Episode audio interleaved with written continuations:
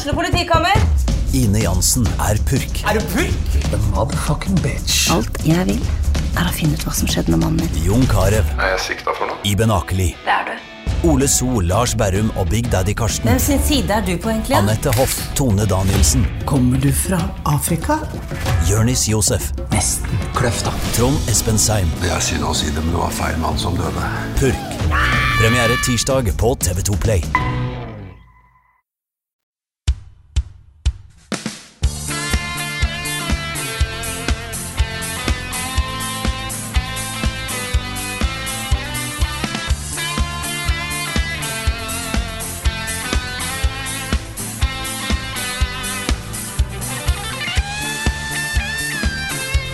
Du kan kanskje ikke dele Netflix-passordet ditt lenger, men du kan dele denne podcasten av Level Backup med meg, Karl Martin Oksnes, med Rune Fjell Olsen og Niklas Halvorsen. Hallo, folkens. Hallo, Hallo, Carl slash Frida slash et eller annet. Frida Ja, noen uker pause nå. Frida vikar. Frida step in. Ja, Vi hadde en lang og intens diskusjon og krangel om hvem som da skal være programleder, nå som Frida er borte. Ja, den var eh, hele 30 sekunder lang, tror jeg. Ja, det var ikke det engang. Nei. To, tre, fem sekunder, kanskje. Kanskje, kanskje fem sekunder lang. Så jeg Jeg tok, kan godt prøve, jeg. ja, jeg tok på meg det ansvaret, så jeg håper bare at det er greit for folk. Ja, jeg ble Nå er glad jeg for at du litt gjorde det. sånn, nå er jeg til og med litt sånn rusten i podcast. Jeg har vært borte en måned. Det er ganske mange internettår. Ja, Ja. Det er ganske, ganske lenge. Men nå er jeg klar. I'm back. Velkommen tilbake, Velkommen tilbake, Carl. Takk for det. Du har vært Good eh, savnet. back. Jeg har savna dere òg. Vært eh, rastløs. Hørt på podkasten og bare 'ja, men jeg vil si noe!' Og så, og så kan jeg ikke si noe, for det er opptak. Nei, det er helt Ah. Mm. Men nå kan jeg si noe. Kan jeg si masse? Skal jeg snakke høl i huet på alle som hører på? Å, herlig. Jeg har jo egentlig ikke lyst til å være her, da. Jeg har bare lyst til å spille Dead Space. Åh, Ja. Det er den tiden på året. Det er den tiden på året. å, det er slem ting å si. Da kan, kan komme og si hvor glad Ja, det var, er. nei, så vil du ikke være her engang. Det er greit. Det er greit. Nei da, men det er, så vi skal snakke om Dead Space etterpå. Men, øh, men jeg vil jo nevne da at øh, det er jo sånn nå disse dagene her at uh, det første jeg tenker på om morgenen når jeg våkner, er uh, kos med hunden min. Ja. Uh, men det andre jeg tenker på er åh, oh, i dag skal jeg spille mer Dead Space. Ja, ja, ja. Så er hun Dead Space, og så resten av familien under der. Ja, det, De har gått på jobb og skole, de. Jeg ah, ja, okay, står opp ok, etter ok. at de har uh, forlatt uh, hjemmet. For Jeg lager matpakke til kidsa på kvelden ikke sant, før jeg legger meg. Ja, smart. Og så Jeg registrerer ikke at det er lyder her engang. Jeg bare sover som en stein. Men jeg står opp rett etterpå, da, sånn halv ni-ni. Jeg må, er jeg må samle sånne tips fra deg hvis jeg får barn. Og liksom, det er sånn matpakke på kveld og sånn, det er genialt. Ja, dette var jo noe kona insisterte på, da, fordi jeg er så sur på morgenen. Så det å legge en sur Rune inn i miksen når det er liksom stress og folk skal kle på seg og busse tenner og spise frokost og alt mulig rart, jeg har ikke alltid vært like vellykka. Det kan bli litt sånn muggen stemning. så, så det var hun som foreslo at jeg kunne gjøre det, da, og det har jo forandra livene våre. Så eh, good call. Ja. Good call, Katrine. Bra tips bra tips fra kona til Rune der. Jeg har lyst til å bare nevne en liten sånn um, um, greie som jeg syns er uh, litt uh, morsomt. Fordi det finnes jo ikke så mye spillinnhold i, uh, i norske massemedier. Det gjør Altså ikke. mer generelle medier. Uh, og Derfor så blir jeg alltid litt glad når, når etablerte medier tenker at nei, vet du hva, nå skal vi satse på spill, og ikke bare én gang, men fast en gang i uka f.eks. I tilfelle Radio Metro, som nå har starta et nytt uh, gamingprogram som heter Gameplay. Som skal gå på lufta da hver onsdag fra åtte til ti. Og så reprise på søndager, og så kommer det også ut som podkast, da. Så er det jo litt uh, ekstra stas. Jeg var jo første gjest, ikke sant. Første gjest i det programmet. Ah, ja, ja, ja, ja. Ja. Så, så kudos til Radio Metro for det. Det er eh, veldig veldig stas at det kommer mer, mer spillsnakk eh, i eh, norsk offentlighet. Det trengs. Kan jeg nevne en ting også, fordi nå ser jeg det har gått mer enn tre minutter av podkasten. Ja, kjør på. og det har jo vært sånn, De siste to ukene så har eh, Spotify av en eller annen grunn fjerna noen sekunder fra podkasten i starten. Jaha. Jeg vet ikke helt hvorfor. Altså Originalfila er helt grei, og opplasting er grei, og hører du på RSS eller iTunes eller noe sånt, så er det helt greit. Men akkurat på Spotify så tar den bort en, jeg tror det er en sånn 10-15 sekunder eller noe sånt av, eh, av praten. Ok. eh, helt i starten. Så mm, jeg vet ikke helt hvorfor det er sånn. Vi pleier ikke å si noe sånn superviktig da, i starten, så jeg håper det går greit for folk. Det går nok, eh, går nok bra. Kanskje vi må ha lengre intromusikk? Kanskje vi skal ha intromusikk i, i 3 minutter og 15 sekunder, bare Ja. for å unngå liksom den Ja, det var et godt forslag, Karl. Det er godt å ha deg tilbake også. We got gode game the system, ikke sant? Bare work with what we got. Ellers må vi, ellers må vi be Spotify om å skjerpe seg. Åssen går det med deg, Nick? Nei, det går fint. Jeg, jeg har det egentlig litt sånn litt for bra nå for tida, da. Ja? Eaten good? jeg er omringa litt for mange gode spill, rett og slett. Mm. Nei, så jeg har det ganske fælt. Tetris. Skyrim. Destiny 2. The Sims. Edderkoppkabal. Destiny 2. Animal Crossing. Pokémon Cola eller Pokémon Pepsi. Destiny 2. Guitar Hero.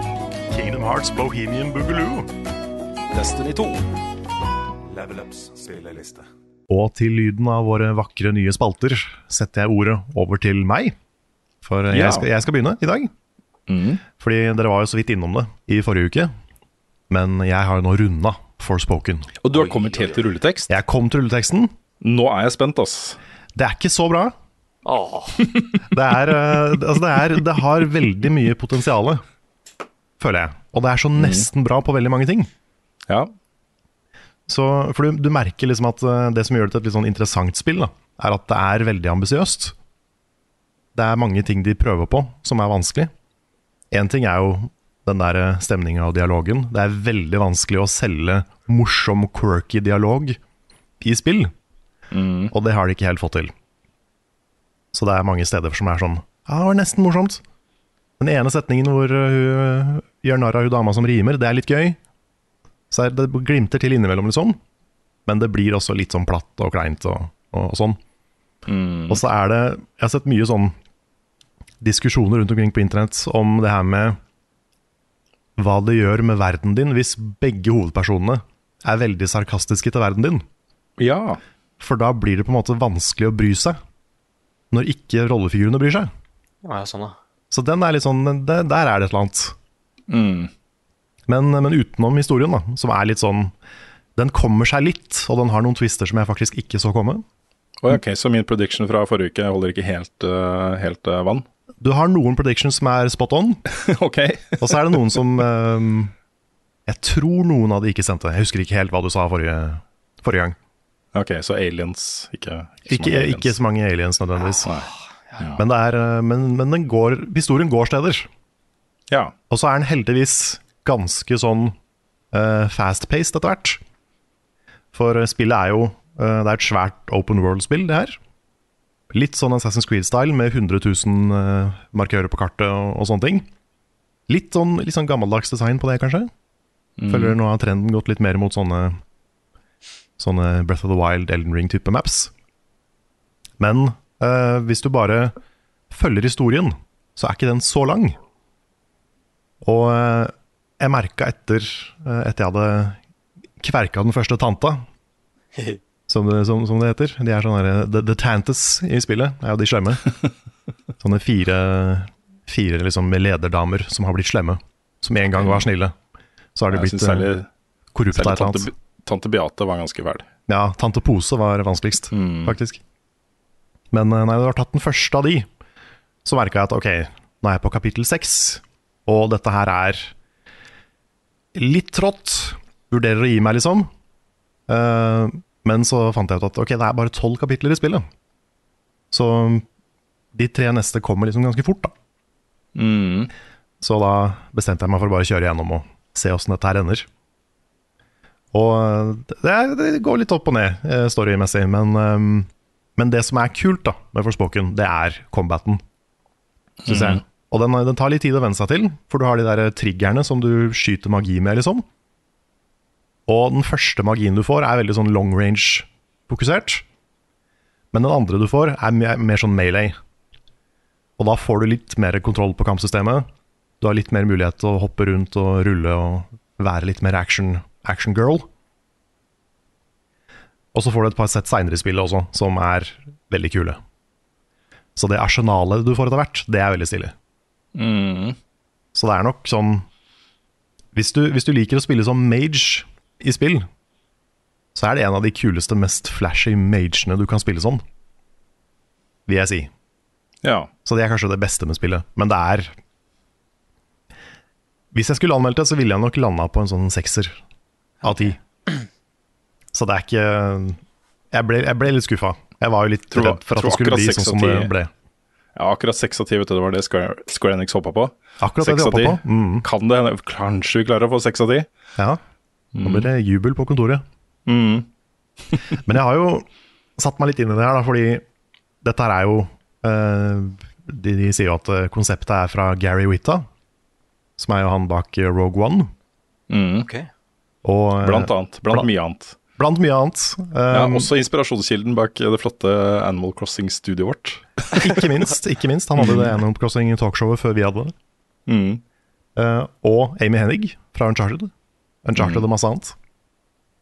Uh, så det er jo liksom veldig flinke folk som har jobba på denne historien her.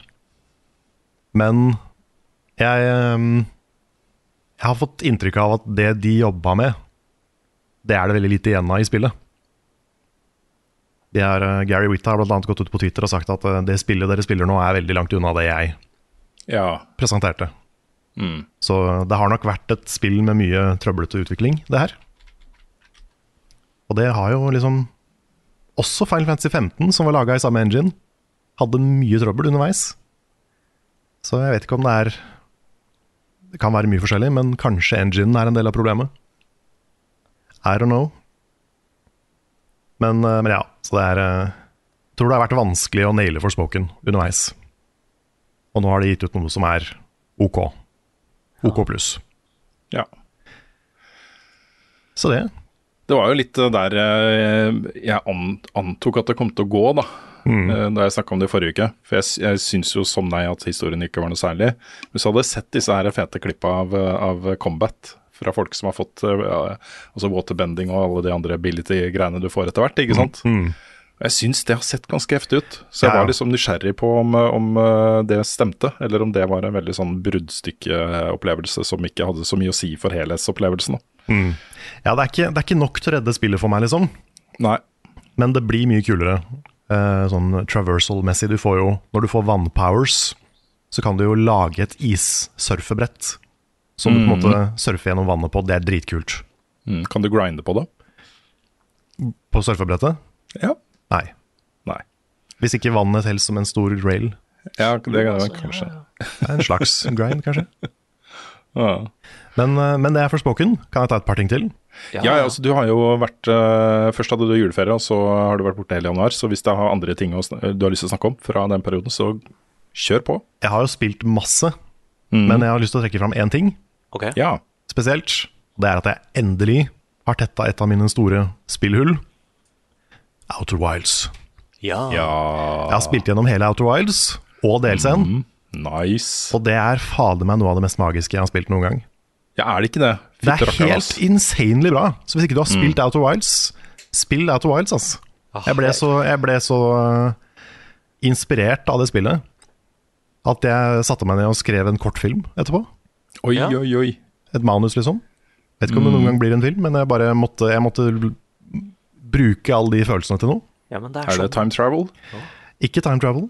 Nei. men det er sånn magi blir til, ikke sant? Ja, for, men, men det er liksom Fordi én ting er å, den opplevelsen av å spille det første gang. Og jeg gikk mye rundt i mørket og var liksom frustrert, og et par steder var jeg veldig redd. Det var et sted som var så skummelt at jeg måtte sette på musikk. Oi, Ja. Og det, det er ikke ofte det er så skummelt. Men Nei. i det originale spillet, eller I det originale, originale spillet. Ok. Ja. Ja, DLC-en er jo enda skumlere, faktisk. Uff. Men, eh, men spesielt én del i, i originalspillet. Så Er det den den hvor du reiser gjennom det sorte hullet og de greiene der? du reiser gjennom noe.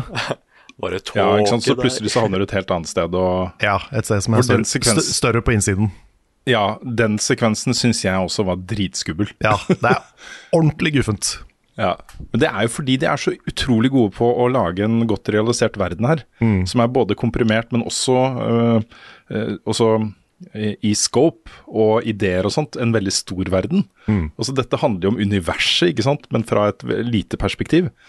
Uh, og måten de klarer å, å gi en sånn følelse av undring på hva er det som skjer nå, type ting, er uh, dritbra, altså.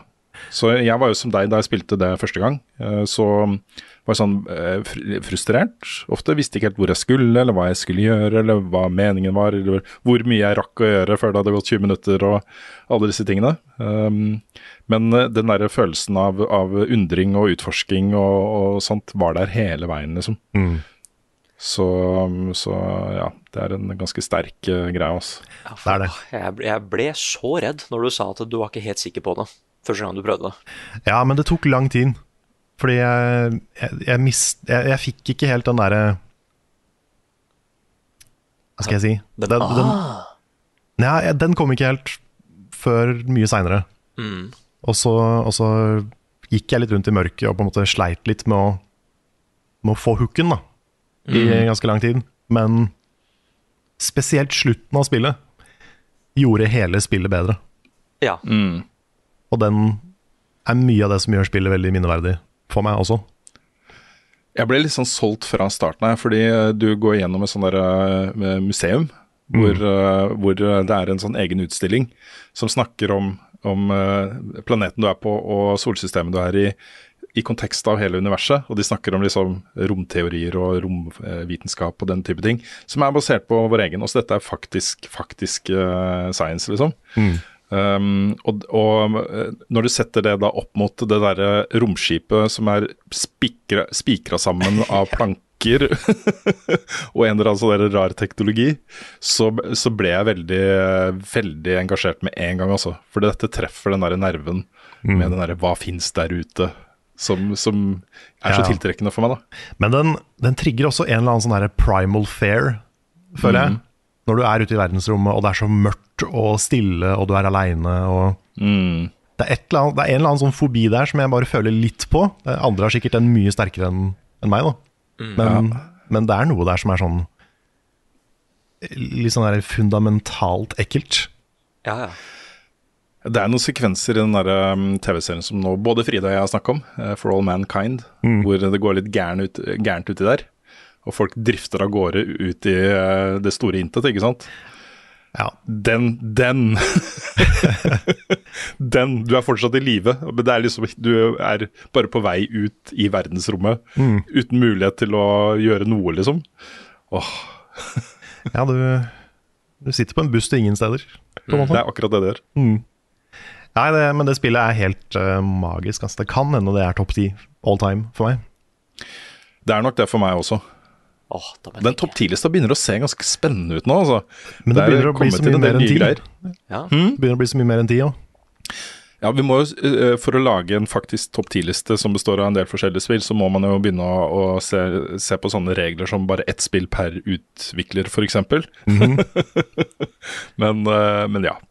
Kan bli litt uh, FromSoft heavy på den, eh, den lista. Ja, det er den hos meg i hvert fall. Ja, lista mi ser ganske annerledes ut nå, altså. Kanskje bør gjøre et eller annet om sommeren. Se om topplisten har forandra seg, eller et eller annet. Ja, Kanskje når det er fem år siden forrige gang, Ja. så lager vi nye. Mm, det går jo an å være, være litt sånn uh, smart på det også. Og bare si de ti beste spillene i dette årtusenet. Så tar man alt fra år 2000 og, og fram til i dag, ikke sant. Eller blir det kanskje 2001, gjør det ikke det? Er det ikke det Ja, den er korrekte det? måten å se det på? ja, det kan hende.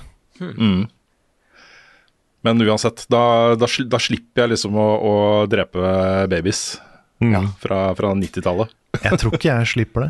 Jeg er ikke sikker. Nei. Nei, var ikke født, jeg, vet du. Kan jo hva jeg vil.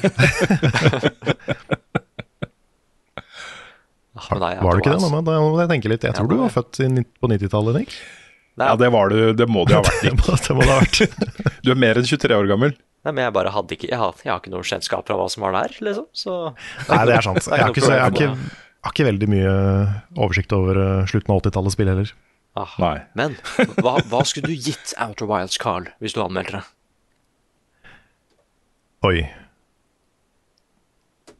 Er det noe å tenke på, da? Det er, det ti av ti. Det er ti av Ja, ti. det er jo ti av ti. Jeg måtte tenke litt på det, men det er ti av ti. Ok, ja det er det. Nei, fordi det, det, det jeg hater mest med Outer Wilds, er at jeg kan ikke oppleve den øyeblikket på slutten igjen, når jeg vet hva nei. jeg skal gjøre for å full... Det som er så kult med det, er at du aner ikke hva liksom slutten er. Det er bare OK, det er en loop. Du begynner å se noen koblinger her og der, men du vet på en måte ingenting av åssen det her egentlig skal slutte. da. Bare hva er egentlig the end game her? Hva er goalet? Og det er det øyeblikket når du plutselig innser hva du skal gjøre for å avslutte det spillet. Å, det var kult, altså. Det, det er jo en av grunnene til at jeg var så streng mot Returnal, blant annet. For dette er den kuleste timeloopen. Kan du Hold nå, hold nå Returnal unna dette her, Nick. Hvis du begynner, så begynner jeg, vet Ja, ja, du. sånn. Ja. Men nei, bare, det, det, det gjorde alt det jeg ville en sånn timeloop-historie skulle gjøre. Da. Det var kjempebra. Og jeg, jeg har så lyst til å spille DLC-en, jeg òg. ja, den må dere spille, hans. Men, men også hele den der Quantum Moon-delen av spillet. Ja. Det også er noe av det kuleste jeg har opplevd i et spill. Altså. ja, da følte jeg meg smart. Ja. Alt som har med Quantum Moon å gjøre, er dritkult. Men nå skal dere få lov å prate litt. Ja. Eh, Rune, vil du ta over? Jeg kan gjøre det. Da har jeg, siden Nick og jeg skal snakke om eh, det samme spillet, så begynner jeg med et par andre ting som jeg har spilt eh, i uka som har gått. Ja. Uh, og Nå kan jeg da snakke litt mer om Season, A Letter to the Future. Nå er anmeldelsen ute på NRK. Den ble publisert da på lanseringsdagen nå på tirsdag. Eh, og jeg gir det jo terningkast fire der. Ville nok ha gitt det syv av ti, Ok. hvis det var en tierskala. Um, og der er det jo sånn um, Terningkast fem er åtte og ni av ti, ikke sant. Altså terningkast seks er eh, 9,6 til ti av ti. Så da seks og syv. Seks og syv av ti er terningkast fire. Så er dere informert om det. Det er sånn jeg ser på det. Ok? Eh, og dette her er jo et, et uh, veldig, veldig veldig sånn rolig, nedstrippa, langsomt, ettertenksomt, melankolsk spill. Med utrolig vakker uh, grafikk. Det, det ser ut som om du sykler rundt i, på landsbygda i, i min nabo Totoro, liksom. Og eh, mye flott å se på, masse vakre sånne naturopplevelser og stemninger og, og sånt. Og utgangspunktet er jo at du er vokst opp da på, i en sånn litt bortgjemt eh, fjellandsby. Eh, og så skal verden gå under, og byen er nå liksom tømt for folk. Og sånn er det, uansett hvor du, hvor du eh, sykler, da, så er det veldig lite folk igjen, og folk evakueres og, og sånt. Så som liksom alle skal dø, det tror jeg ikke, men de blir frakta til et annet sted eller drar til et trygt sted. Um, så, så verden skal gå under på et eller annet vis. Uh, og din jobb er jo da å dokumentere menneskeheten. Altså hvordan er livet til folk og ditt eget liv eh, der, i den sesongen du er i. Eh, Så hun dokumenterer da eh, livet for ettertiden. Tegner og noterer og eh, limer inn bilder og tar opp lydopptak og sånne ting fra ting hun møter da på, på veien sin. Og når dette spillet er bra, så er det kjempebra. Også du kommer til steder som, som eh, du, du gjør det samme som henne. da. Du stopper opp, du bare suger til deg inntrykk. Eh, du settes i en stemning og en, en sinnsstemning som, som matcher spillet veldig godt. Det er på en måte litt som om dere puster sammen i en sånn eh, veldig vakker og flott opplevelse. Og de øyeblikkene er det heldigvis veldig mange av. Så alt i alt liker jeg spillet veldig godt. Men det er også veldig repeterende. Du gjør mye av det samme liksom hele tiden. Um, ikke hele tiden, men ofte. Du gjør ofte de samme tingene du har gjort, og det er ikke alt det som føles som, eh, som viktig. da. Det er mye eh, og Det er sikkert et poeng i designet av spillet at ikke alt skal være storslagent. Men, eh, men eh, jeg tok meg selv i å kjede meg litt, dessverre. Oh. Så jeg hadde utrolig høye forventninger til det spillet her, og det ble jo ikke helt innfridd. da. Jeg trodde dette skulle bli en, en alt i alt sterkere opplevelse. Og det, det er det jo, men i litt for få og kortere øyeblikk enn jeg hadde håpa på, da. Så er det jo masse interessant man kan si om det spillet, fordi du ser jo ruiner fra det som ligner på vår sivilisasjon. Du ser uh, sånne motorveier på, på uh, broer og, og sånt som er ruiner, da. Uh, litt sånn i avstand. Du ser gamle fabrikker, nedlagte fabrikker. Eh, de snakker om en del temaer og sånt som, som hører mer til store byer enn det området du er i. Så det er en link her. Altså dette, jeg, jeg ser for meg at dette kanskje er et stund inn i framtiden. Litt sånn Horizon-type uh, tilnærming, kanskje. Å ja, så jorda har gått under en gang før, liksom? Ja, så eh, eh, Dette med sesonger er jo at det skjer eh, jevnlig. Okay. Altså, det er ikke en engangsting, men det er, det er også jeg, jeg tror i overført betydning så er det nesten litt sånn æraer. At du har liksom Victoria-tiden, du har uh, jernalderen, du har uh, middelalderen, du har industrielle revolusjon. At det er på en måte sesongene i dette spillet. da. Eh, Menneskehetens eh, tidsaldre, på en måte. Så, så det har skjedd masse før, og det kommer til å skje masse igjen. Og i, i spillet også så sitter det en fyr og leser den boka du har laget. en gang inn i framtiden. Så, mm, så dette er en, en sånn sesonginndeling, da. Ja. Um, det var en ting til jeg hadde lyst til å si om spillet Jo, dette er jo en sånn ting som, som jeg føler er et problem for mange av, av disse spillene som har eh, eh, små teams. Og dette er jo et lite kanadisk team som er laget, de har 40 ansatte.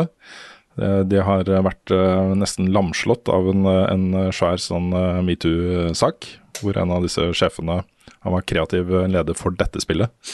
Eh, til slutt ble fjerna fra den posisjonen og fra lederposisjoner i selskapet pga. Uh, ganske mange varsler. Eh, nå skal det sies at, eh, at dette selskapet også har gjort en egen, en et, egen etterforsking av et eksternt advokatfirma. Som eh, ikke fant at det var så ille som, som, som, sånn, som alle disse etterforskningene der. Så, så, men det er i hvert fall eh, det, de sier selv, da. At de har rydda opp i problemene, og det. Eh, så ja. Men poenget mitt er at den tingen som som jeg sliter mest med, er skuespillet i spillet. Det er ganske dårlige skuespillere, og det er ganske tydelig at her er det ikke det er ikke noe A-liste øh, med, med stemmeskuespillere. Og de blir så viktige for opplevelsen uh, i de sekvensene hvor, hvor det er mye dialog. Så, så blir jeg liksom fjerna litt for mye fra, uh, fra opplevelsen.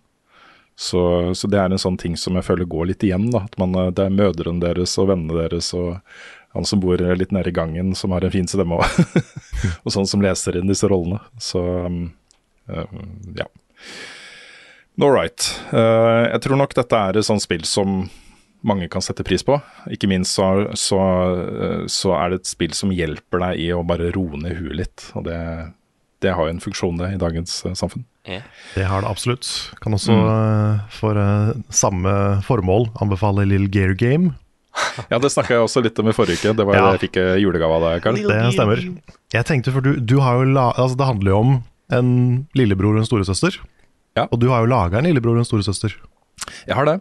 Så tenkte jeg liksom kanskje det er noe Rune kunne spilt med barna. Ja, øh, og så sønnen min øh, øh, kommer ikke til å rekke å savne søsteren sin altfor lenge, da, for de er så nærme i alder. Ja, det er sant. Det er litt sånn større aldersforskjell her. Det er mer deg og søstera di, kanskje? Ja, bare omvendt, siden jeg er eldst. Ja, det blir det samme her også. Bortsett fra at søstera mi er også ganske nærme hverandre. Men jeg husker, jeg husker veldig godt den følelsen da søstera mi flytta til Tromsø, helt til Tromsø, hvor vi var veldig close. Og det at hun bare forsvant ut av livet mitt på den måten og bare kom hjem til jul, var, et, øh, var en ganske sterk overgang, altså. Så der uh, kjente jeg meg veldig igjen i Lill Gero Game. Det er jo veldig det som er te temaet, hvor uh, søstera kommer tilbake igjen, og så skal du sitte og liksom prøve å få henne til å engasjere seg i livet ditt igjen. Ja, ja. Det er sånn Slutt å være voksen, liksom. Ja, Det er ikke noe gøy at du er voksen. nettopp. Ja, det var en flott opplevelse. Um, og det er også dette spillet, fordi da jeg så det, så tenkte jeg at dette er et spill for Carl. Så skal jeg sjekke da, eh, om det er litt sånn eh, vinsmaker. Disse Ja. kongene som har sånne skjenker, ikke sant, som skal sjekke om er eh, vinen forgiftet eller ikke først. Mm, så spilte jeg spill som jeg syns du bør spille, Carl. Ja, du har, du har nevnt det for meg. Jeg vet at jeg, jeg er allerede solgt. Mm. Det heter A Space for the Unbound, og det er et uh, uh, indonesisk indiespill. Jeg ser på, på credits, så har de massevis av folk uh, som ikke har indonesiske navn også. Jeg kjenner litt svensk og litt sånne ting, men hovedsakelig da indonesiske uh, team. Uh, og det er da et spill som på en måte blir en slags krysning av de, de litt mer sånne langsomme sånn uh, sånn type eh, season eh, og Undertale og eh, Persona Ja, eh, litt. Eh, fordi du er, spiller da som et kjæreste, også en gutt da, i et kjærestepar eh, på high school. Eh, og det er en litt sånn magisk realistisk greie. Det er en bok her som gjør at du kan gå inn i sinnet til folk og løse opp i, i forskjellige knoter. En av de tingene i starten er at du skal da gå inn i sinnet for å få en vakt til å sovne. Han er veldig trøtt, men han vil ikke sovne, for han skal jo passe på denne stigen du trenger. Så da går du inn i sinnet hans, og så slår du på vekkerklokka med en, en kølle du finner der inne, og så skrur du av lyset og setter på litt rolig musikk, og så sovner han. Og så går du ut igjen, og så tar du med deg stigen. Um, og Det er et spill da som starter med en ganske heftig advarsel uh, om temaene i spillet. Det er et spill om uh, angst, depresjon, verdens undergang og ganske tunge temaer. Eh, men det er også et spill om da vennskap, kjærlighet, eventyr, magi eh, og sånne ting. Så, mm, så et, eh, et veldig sånn ambisiøst spill med en enkel fremtoning, vil jeg jo si da. Og syns starten på spillet er nydelig. Uh, kommer også til å fortsette å spille det spillet her. Er trenden for 2023 i spill verdens undergang? Ja, men det er jo den trend som har gått nå i mange år. Ja, for så vidt. det er, fordi det er helt åpenbart at, uh, at her reflekterer kunsten uh, virkeligheten. Mm. dette er jo en følelse mange sitter med inni seg. At ting kanskje går mot slutten, og det er jo en utrolig heftig tanke å ha med seg hver dag. Mm. Og hvis ikke du har den følelsen, så bruk en halvtime på Twitter, så får du den følelsen. Nettopp. En annen verden som har da gått uh, under så det holder, er jo den verden du møter i Dead Space. Dead Segway, Space. Segway. Segway. jeg uh, prøvde meg jo på Dead Space originalen for et par år siden. Jeg spilte en times tid, og huska da hvor bra det var. Men den følelsen jeg sitter med nå, etter å ha spilt gjennom nå Dead Space nesten to ganger, uh, også remaken, er jo at det, dette her er bare så utrolig engasjerende. Det er et glimrende skrekkspill, men det er også en utrolig god sånn Metrodvania Det å utforske uh, Ishimura på den måten de gjør i det spillet her, er altså så heftig. Jeg er så engasjert i det, jeg er så gira og så hekta på den opplevelsen her. At, eh, at jeg bare har lyst til å spille mer. Jeg har runda det og sett rulleteksten, men det er en ending jeg ikke har fått sett ennå. da. Som du bare kan få ved å spille gjennom en gang til i New Game Plus. Eh, og storkose meg. Dette er så mye bedre enn jeg husker det som. Jeg husker det som et veldig bra spill. Eh, jeg vil nok kanskje si at Dead Space-originalen var litt mer toneangivende da det kom, enn det Dead Space Remake er i 2023. Men, men dette er så heftig på en sånn måte som ikke så mange spill er. Du bare har det fett hele tiden. Alle våpnene er kule, alle fiendene er kule. Tingene du skal gjøre. Du blir jo sendt til det ene stedet etter det andre i dette romskipet her for å fikse det, og så må du fikse det, og for å fikse det, så må du fikse det, og så må du ut i, eh, i uh, utafor skipet og så fikse ting. Og så du må hele tiden fikse ting da, for å få dette til å uh, få en slutt. Um, og jeg vet jo du er eh, like gira som meg, Nick. Vi har jo snakka litt om dette her på privaten også. Ja, det, det, var, det var kanskje feil å shame Rune litt i stad da han snakka om Dead Space. For hadde jeg ikke vært i podcast, så hadde jeg spilt Dead Space, altså. Er eh, Nei, det, det, er Det er en helt konge-remake. Det er eh, Jeg bare sjekka litt for moro skyld hvor lang tid det vanligvis tar å komme gjennom de tre første kapitlene. Og jeg klarer å gjøre som regel på rundt en sånn time, litt over. Her brukte jeg litt under tre. Fordi det er liksom Det er Ja. nye rom, det er noe sideting du kan gjøre. Det er uh, veldig mange nye kule funksjoner fra de andre spillene som nå de har satt inn i originalen. Og det passer helt perfekt. De har liksom lagd nye områder for disse nye funksjonene. da. Det er en faktisk remake, og liksom ikke bare det samme spillet med bedre grafikk. da. Nei, og så var det bare det at jeg, jeg gikk på en måte ikke inn dit for å bli skremt, fordi jeg har spilt originalen så mye. Men så begynte jeg liksom å Jeg, jeg klarte ikke helt å skille mellom eh, Jeg sleit med å skille mellom originalen og remaken av og til fordi Vent, var dette her et helt nytt rom? Eller har de bare liksom oppgradert det så mye grafisk at jeg ikke kjenner det igjen? ikke sant? Og da har de også plassert noen av de skumle delene litt andre steder. Altså, noen er der de skal være, men det er liksom et rom hvor jeg bare OK, her kommer en kar gjennom døra, liksom. Men når han da ikke gjør det, da blir jeg stressa. For bare OK, her skal det være en person, liksom. Et monster. Hvor, hvor er det han er nå? Og han dukka opp litt seinere, liksom. Fra et helt annet sted. Oh, men det er smart for et skummelt spill, og liksom at remaken er subtilt annerledes. Ja, ja, ja. Og jeg ble på sånn grensa til irritert, for bare dette er ikke sånn det skal skje. Det skal skje på den måten her, altså. Jeg skal ikke bli redd, liksom. Jeg har vært her før. Jeg har vært her mange ganger før på Ishimura. Nei, og det er et av de få skrekkspill jeg faktisk tør å spille, fordi det er veldig skummelt. Men å, det er så tilfredsstillende å drepe det som er skummelt, altså. Eh, det første våpenet du får, der- er et av de kuleste. Plasma Cutter. Bare kutter av dem lemmer og det Det var det første, spillet, det første våpenet jeg oppgraderte maks. Bare kjørte alt, alt inn på den. det er en egen trophy også på PlayStation og, og achievement på andre plattformer hvor du skal spille gjennom hele spillet fra start til slutt med bare det våpenet. Ja, ja, ja. Nei, jeg, jeg, var litt sånn når jeg spilte gjennom at For jeg har jo spilt Dead Space før. Uh, nå er jeg plutselig litt usikker på om jeg spilte helt igjennom. Um, fordi uh, når jeg satt var på slutten her, så satt jeg sånn framoverlent i stolen og bare Hva skjer nå? Hva skjer nå? men jeg har, uh, i og med at det er så lenge siden at, uh, at jeg har spilt dette før, så sitter jeg ofte med sånn herre Ja, jeg vet hva jeg skal gjøre, men jeg vet ikke helt hvorfor, eller hva som skjer når jeg gjør den tingen. Jeg vet at jeg skal bort dit, og jeg, nå kommer det til å Ikke sant. Fingrene mine vet litt hvor jeg skal og sånt, da. Eh, jeg husker at jeg har vært der før, når jeg har vært der igjen. Men ikke før. Så hver gang jeg åpner en dør, så er det sånn Å, hva er dette? Ikke sant? Hva er, hva er det som skjer her nå? Så, så det ble en veldig ny, frisk opplevelse for meg også, i tillegg. Så, så jeg er eh, stilig dette her også. Jeg, eh, jeg kommer til å øh, spille i hvert fall gjennom nå den, denne gangen jeg er på nå. Og så skal jeg prøve meg på hard. Og så skal jeg se om jeg gjør den siste greia for eh, platinum, og det er å spille gjennom på insane. Og må, jeg tror du må runde det på hard for å eh, låse opp insane vanskelighetsgrad. Ja, du Og den er litt spesiell, for den er, ikke- den er ikke noe vanskeligere enn hard. Det er samme vanskelighetsgrad, men du har én save.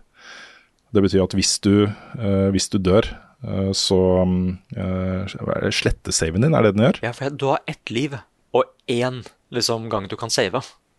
Mm. Wow. Ja, fordi det er ikke et så langt spill heller, liksom. Det- Nå sier jeg det, da, fordi da dukker opp nye ting, men det originale spillet kunne du liksom komme deg gjennom på syv timer ish. Det var ikke kjempelangt. Og jeg, selv om det er en del nye liksom, rom og ting og tang, så tror jeg ikke det her er så mye lenger heller. Men det er en, øh, det er en ganske tøff utfordring, altså.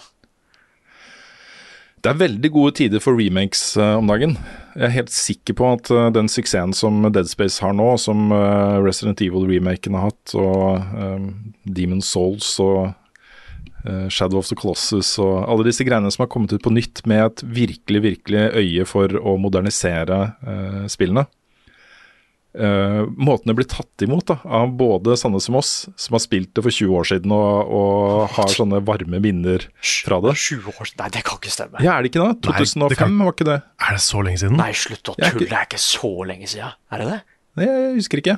Nei, vi tenker ikke på det. Eh, Jeg, jeg skal tror, sjekke. jeg skal sjekke jeg tror jeg hadde liksom fast jobb da Dead Space kom, så det kan ikke Ja, være det kan, så det kan hende at jeg husker feil. Å nei, tenk hvis han husker riktig, da. Å, fy han huske- 2008. Det er 2008, okay. folkens. Så, Så det er 15. Ok, ok. det er nesten like ille, men det er ikke like ille. Nei. Men uansett, da. Um, dette er jo en veldig uh, safe Vi snakka litt om det i forrige uke, med uh, kutt og nedleggelser og sats, uh, færre risikable satsinger og sånne ting. Og det minst risikable du kan gjøre, er jo bare ta et spill som allerede er laget, hvor du slipper å finne opp hjul på nytt, og bare lage det en gang til med et mindre team. Så vi kommer til å se så mye remakes de neste årene. Alt, som, særlig de tingene som er som har en eh, singleplayer campaign, som har veldig fokus på historie og omgivelser og, og settinger, kommer vi til å se den ene remaken etter den andre. Du får Metal Gear Solid 1, 2 og 3 kommer igjen, garantert. um, ja, masse. Det er masse som kommer igjen. Men jeg håper det kommer litt sånne, litt sånne um, obskure, rare remakes. Ja. Ja. Sånn som uh, det, er et, det er et PlayStation 1 JRPG som heter Legend of Dragoon. ja, det, det spilte til og med jeg. Ja, og det går jo rykter om at Eller jeg vet ikke om de ryktene er troverdige, det er sikkert ikke det i det hele tatt. Men det går rykter om at Bluepoint har drevet og snusa litt på det. Ohoho. Og hvis de hadde remake Det hadde vært dritkult. Det spillet har det- sannsynligvis holdt seg veldig dårlig. Sånn, for jeg husker til og med da så var dialogen helt krise. Fordi det var, det var dårlig oversatt. Sånn hver gang uh, hovedpersonen datt ned et sted, så sa han 'wow'. så, så det var masse ting som er, som er ganske dårlig, dårlig, men gøy. Og voice acting hans er helt uh, fantastisk krise. Men, uh, men jeg, det hadde jeg lett tatt en remake av. Eller SSX Tricky. Oi, Ja. det var kult. Det, det, det, ikke sant, Smak litt på den, fordi det er mye, mye mye lurere av EA å remake SSX Tricky enn det er å lage et SSX 5. Det er mye lurere. Det hadde solgt mye bedre og hadde blitt mye bedre tatt imot. Ja, for jeg, jeg, spilte, jeg, jeg spilte det der eh, On Tour, også den der eh, rebooten. Ja. Men de likte jeg ikke noe særlig. Å, jeg likte du ikke Nei, det blir jo Nei, jeg Ja. gjorde ikke det. Altså, det Jeg var, husker, jeg Det- husker det- ikke hvorfor, jeg bare syntes det var litt sånn sjeleløst. ja, det var ikke det beste, men jeg syns det var gøy, da. Det- Ja, jeg, men jeg savna litt den der cartoony, personlighetsfokuserte greia som vi jeg ja. hadde i starten. mm. Ja, det var ikke så mye. Nei. ja, Vi snakka litt om uh, Hifi Rush også i forrige uke. og Det føles jo litt som en sånn der Det kunne vært en remake. Ja, Av, faktisk. eh, Det, det har litt Dreamcast-vibes. Det har det. Og det er, eh, det er noe med jeg, Spillmediet har på en måte kommet nå til et sted hvor du har masse, masse folk som har vokst opp med spill, og som har en sånn kjærlighet til spillmediet som man ikke kunne ha på 80-tallet og 90-tallet, fordi spillmediet var for ungt. Men nå sitter det da masse 40-50-åringer som eh, og noen og 30-åringer som eh, har vokst opp med spill, og som har et veldig sånn nært forhold til det, og hvor man har da utgivelser Man har vokst opp med utgivelser som gjør seg som remakes. Uh, vi har jo hatt den 2D-pixel-grafikken har jo blitt perfeksjonert uh, så det holder i nyere tid. Mm. Uh, vi har jo hatt remakes der i mange mange år som har sett bedre ut, men som man ikke kan gjøre noe særlig bedre enn det de har allerede blitt gjort. Men det er den der PlayStation 1-æraen og sånn PlayStation 2-æraen. Ja. Der, har du, der har du så mange spilleopplevelser som bare kan moderniseres. Paper Mario Thousand Year Door er jo superklassiker. Mm. Hadde lett tatt en remake av det. Det er Eller i hvert fall en, i hvert fall en HD-remaster, liksom.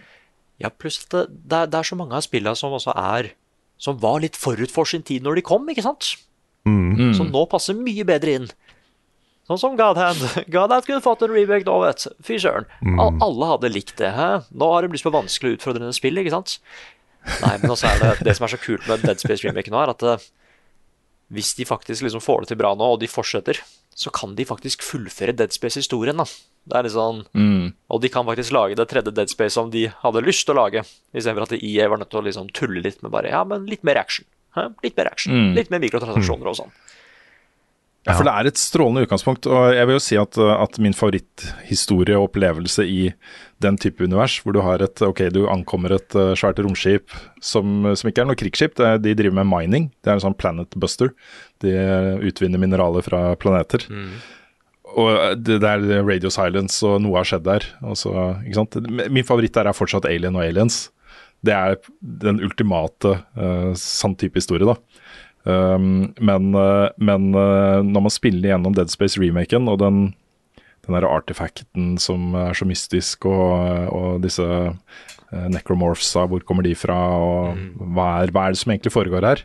Og de lagene som avsløres etter hvert. Ja, ja, ja. Det, er, det er så mye der i den historien som er, som, som er helt klart for mer. Altså er en, den kan fortsettes, og den kan konkluderes. Um, og Alien hadde jo akkurat det samme problemet. Det hadde jo Alien og Aliens, og så kom Alien 3. hvor det bare var litt sånn Hæ, hva skal vi gjøre med denne historien nå? så liker jeg jo Prometheus bedre enn mange andre gjør. Men, Jeg, uh, jeg syns Prometheus er kjempebra. Mm, enig. Så Nei, men her er det, her er det et kjempepotensial. Akkurat på samme måte som Cap Capcom har revitalisert alt som har med Resident Evil å gjøre. Jeg syns Village er eh, mitt favoritt-Resident Evil-spill. Jeg syns det er det beste spillet i serien. Eh, så, så har man den samme muligheten her. Det kan komme mer Dead Space, som er dritbra. Eh, Kan jeg ta også et spørsmål som har kommet inn knytta til, eh, til remakes og Dead Space? Det Eh, får være greit. Fra Trond Moum Gulbrandsen, eh, som skriver da Dead Space er en herlig remake, stor, storkoser meg med det, men det slo meg da jeg startet det originale Dead Space for 13 år siden. Uh, er vel så lenge siden det kom ut? Ja, det er, jeg vil si det er 15, da blir det ikke det, hvis det er 2008. Da er det 15. Ja. Uh, da så det pinadø meg like bra ut som Dead Space Remake gjør nå. Imponerende lyssetting, musikk og lydbilde, grøssende spenning. Etter å ha spilt remaken litt, så tar jeg fram originalen for å sammenligne, og ser fort at her har det skjedd enorme forandringer. Hvordan har dere det når dere firer opp en remake på noe som dere ikke har spilt på flere år? Sitter dere med en følelse av at ja, men det så ikke så bra ut før? Jeg ble jo like imponert den gangen. Eh, jeg blir like fascinert hver gang dette skjer. Alt er rel- relativt, er vel det man kan si.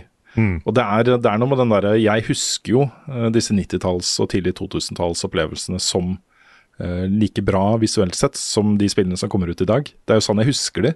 Ja, i hvert fall med, med The Last of Us så fikk jeg den. Den der Mm. følelsen av at ja, men dette her er jo helt likt. Og så er det ikke helt likt i det hele tatt. Nei, det er ikke det.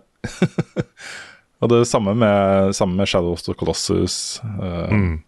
Jeg har også gått tilbake og prøvd å spille Jeg har så utrolig nært og varmt forhold til noen av disse spillene på 90-tallet, som jeg husker som så store opplevelser i hodet mitt. Og så Jeg ble fylt av dem, og disse romskipene det foregikk på, eller disse verdenene det foregikk i- på, var så godt realiserte og så fantastiske. Og jeg var, ikke sant, Dinosaurene i Tomb Raider 1 så ut som faktiske dinosaurer. Og så spiller jeg Tomb Raider 1 igjen, og så er det en firkant som har sånn vag resemblance til en dinosaur. Ja, ja, ja. Litt sånn der en krysning mellom dinosaur og Pac-Man. Ja, Sånn, wah, sånn munn, munn som flapper. Å, ja, ja, ja, Ja. dere, da må jeg jo ha vært født på 90-tallet, for jeg spilte jo Hercules, så klart. Ja, Ja. ikke sant? Ja, og da føltes det som at jeg spilte filmen. Men nå er det bare Nå kan jeg telle hvor mange piksler det er, og det er ikke så mange Hadde jeg fått en krone, liksom? Mm. Men er ikke det spillet fortsatt ganske pent, egentlig? Det er pent, men jeg liksom Når jeg ser det for meg fra barndommen, så var det liksom Dæven, jeg spiller jo filmen her Ja. nå. Men det er 2D-spill, ikke 3D. Ja, det er, det er to, Eller? det er to, det, det, vet du hva, den, den stilen er litt kul, altså. Det, det er litt sånn 2D, men også litt sånn Det er litt 3D der òg. De viser seg litt med stiler. Ja, fordi Disney-spilla på den tida var ganske pene. Ja, det var et teit eksempel. Pokémon derimot, der, der har du det. Pokémon, ja. Pokémon. Mm. Ja, det er mine, mine um, tristeste gjen, gjenbesøk der har vært uh, Maraton 2, Durandal. Som jeg husker som et uh, episk, fantastisk, storslagen science fiction skytespill. Men som i dag er sånn piu-piu. Dårlig lydbilde og alt, liksom. Men uh, det var jo uh, veldig forut for sin tid da det kom. Uh, DU6, første DU6, Ja. det er vanskelig å spille igjen i dag, ass. Men uh, eh, nå får vi også en System Shock eh, 2 remake. Det, Det skal sant. komme ut i år. Mm. Det gleder jeg meg veldig til, for det også var en sånn opplevelse som var eh, veldig forut for sin tid, altså. Det var på en måte Bioshock før Bioshock, laget av de samme folka også. Så, um, så ja. Det er, eh, det, er jo bra at verden går videre, da. Ah, men, men for å gå litt mer inn på spør det, det eneste liksom gangen jeg tenkte at eh, dæven, dette ser jo ganske likt ut, var i Shadow of the Colossus, kanskje. Fordi hvis det er én ting da som jeg kan ja, Det er feil å si straffe liksom Dead Space for det, men både Dead Space og Last of Us eller sånn, er at eh, jeg syns grafikken blir bedre, men den mister litt av den derre Åssen skal vi si det her? De, de, de har en veldig sånn bestemt stil på de andre spillene. Før det begynte å gå 100 realistisk. Som jeg føler de mister litt med at uh, For å gjøre det veldig lett, Dead Space var litt mer oransje, og Last Us var litt mer blå. Ja. Ja. ja, men det er sant. Men det er noe med, jeg tror Hvis du vil prøve å unngå den der Uncanny Valley-effekten, da, så må du være Du måtte være mer stilistisk før Ja, enn du må nå. Så det er kanskje det at litt av stilen forsvinner. ja da, Ja, så ikke bare det, men du, for å skille deg mer ut, og for å være mer unik, så måtte du øh, være veldig bevisst på fargebruk og lyssetting og uh, den type ting. ja, og jeg føler at det eneste som faktisk klarte å beholde det gjennom en Nå sier jeg remake igjen, det er egentlig bare en HD, svær HD-remaster, det var Shadow of the Colossus. da. Der kunne jeg også skru det om da, til forskjellige liksom, filtre og sånn, så det er kanskje litt juks. Nei, så jeg syns The Last of Us Part, part 1 nå ser kjempebra ut, men det er flere øyeblikk hvor jeg er sånn Jeg syns det så litt bedre ut i originalen, altså. Mest fordi de hadde en litt sånn bestemt stil på det. På lyset og sånn. Ja. Jeg, er, øh, jeg skjønner hva du mener, men jeg er jo ikke helt øh, der øh, du er da, på akkurat det. Fordi jeg mener jo at det de har gjort med The Last of Us Part 1 og Shadow of the Colossus, er jo å på en måte ikke gå for langt fra, fra øh, den originale visjonen, selv om de har gjort endringer. Men de har forbedra teknologien betraktelig. Altså det å spille Shadow of the Colossus remake kontra originalen eller remastered-versjonen, er jo to forskjellige verdener når det gjelder flyt, og, og hvor uh, responsivt er, kontrolleren er, og hvor mye kontroll du har over hoved, uh, også figuren du styrer og disse tingene. Uh, og det opplever i hvert fall jeg da, som en, eh, som en eh, videreutvikling eller en forbedring av originalen. Men det er en del sånne særpreg som på en måte har De har oppstått pga. Eh, teknologiske limitations. limitations. Sånn som det er eh, Det kom en eh, HD-remaster av jeg tror det var Silent Hill 2, hvor de fjerna tåka. Ja. Og det er jo det verste de kunne gjort. For den tåka er superviktig for hele spillet. Er det. Er ikke det de sier at de skal gjøre i den remaken som kommer i år? Hva da? Å fjerne? Er det faktisk Var det, ikke det, var det ikke det som var et poeng med det, eller var det, var det den eh, remastered-versjonen som kom? Nei, det var en remaster for mange år siden Ja. som gjorde det. Men jeg tror ikke de kan ikke gjøre det igjen. Nei, herregud. Det ville vært krise. Det er jo er ikke, er ikke hele poenget med Silent Hill at det skal være Jeg tåkete kan og ikke skummelt. se hva som er der. Det er liksom What the hell? Kanskje, kanskje, ikke, kanskje ikke like mye tåke, da, hvis det er så mye. Ja, det, det, den er jeg litt enig i. Det var litt mye tåke, men det skal fortsatt være tåke. Liksom. Det skal være tåke. Greit. Jeg, jeg tror eh, vi har jo en til som eh, har lyst til å si litt om andre ting du har uh, Å, spilt. shit, vi er fortsatt i samme spalten, ja. Sorry. Uh, Vi er i samme spalten. Holdt på lenge, ja, altså. da er jeg litt raskere her. Jeg spiller fortsatt Fire Emblem Engage. Uh, Mm. Jeg holder på med anmeldelse der òg. Det er litt langt, dere. Men det er det i Fire Emblem-spillene òg. Ja, det er det. Fortsatt like bra. Historien er litt mer uh, Litt mer, hva skal jeg si, litt, litt mer crazy og tullete enn det jeg trodde den skulle bli. Så det er litt kult. Ja, kan, jeg, kan jeg spørre deg noe om historien? Ja, ja, ja. Fordi jeg, jeg har vært litt sånn Jeg, jeg er alltid nysgjerrig på Fire Emblem. Mm. Jeg har fortsatt ikke spilt Three Houses, men jeg har hatt det på lista i alle år. ja. Men jeg så Fordi jeg var nysgjerrig, så så jeg starten på Engage. Å, ja. Ah, jeg vet hva du skal Og jeg ble vel, veldig ikke solgt av historien. Nei, fordi det er helt klart en sånn derre Oi, her har det skjedd mye gærent, men nå går det bra. Eller gjør det det? Og da er det veldig mye sånn mellomdram mellomdrama, liksom. Eh, Det er en eh, dødsscene der hvor jeg begynte å skjede meg litt, og det skal, det skal man ikke si i en dødsscene, liksom. Ja, for det, det er den der klassiske liksom, 'nå dør jeg, men jeg skal si noe siste viktig'. Ja, ja. Og så bare prater og prater og prater og prater og prater og blir aldri ferdig med å si noe viktig. Akkurat som Death Stranding, da. Ja, kanskje litt. ja fordi det, det var Jeg syns det var litt powerful først, men liksom bare I'm so proud of you. Gather the rings. Ok. Men også én ting til, da. Eh, Altså en ting til også. Og så ikke må du ikke glemme også, husk å lage matpakke, og husk å Ja, og det er litt sånn at jeg begynte faktisk å tenke at Hva, nå har du, nå har du dødd lenge, altså. Det, det er slemt å si det, men nei. Men så var det noe med måten, måten karakterene prata på, liksom at du You're the divine dragon, og du er så spesiell, og du er så kul, og det, var sånn derre Jeg har ikke gjort noe ennå, slutt å smøre meg, liksom. Ja, ja, ja. Slutt å si hvor kul jeg er. Slutt å si jeg har ikke gjort noen ting. Nei, fordi mange av de karakterene på starten er veldig like, for de er, de er, egentlig fanboys og fangirls av hovedpersonen. Fordi du er en sånn legendarisk helt som har kommet tilbake igjen, da. Bare at du har ikke minner om hva som har skjedd. Heldigvis så tar det ikke lang tid før det dukker opp noen andre karakterer som vet hvem du er. Men ha, er du egentlig så kul, på en måte? Det, det er en morsom vits gjennom hele greia at alle syns han er good looking, denne personen. Det det er faktisk litt Ja, ja. Morsomt. Til og med fienden er sånn bare Å, jeg hater hva du står for, men fy søren, du ser jo bra ut, da. Men, jeg, men det lille jeg sa, så er gameplayet så veldig gøy ut. Så det Jeg har jo lyst til å spille Fire Emblem, jeg tror det er noe for meg. Ja, fordi jeg, jeg tror du hadde likt det veldig godt. Um, Det er ikke like superhistorie Like social superhistorie-heavy, sånn som Three Houses. De har på en måte splitta serien litt nå. Ja, det har gått litt vekk fra den der dating-sim-delen, på en måte. Ja, fordi det var egentlig bare Det var helt nytt i Three Houses, så nå liker jeg at eh, de har sagt det at ja, dette er en mer original Fire Emblem-opplevelse. Mens hvis du liker Three Houses, må du vente på Four Houses, Three Houses 2, Four Houses, liksom. Eh, nei, så jeg liker det veldig godt for hva det er.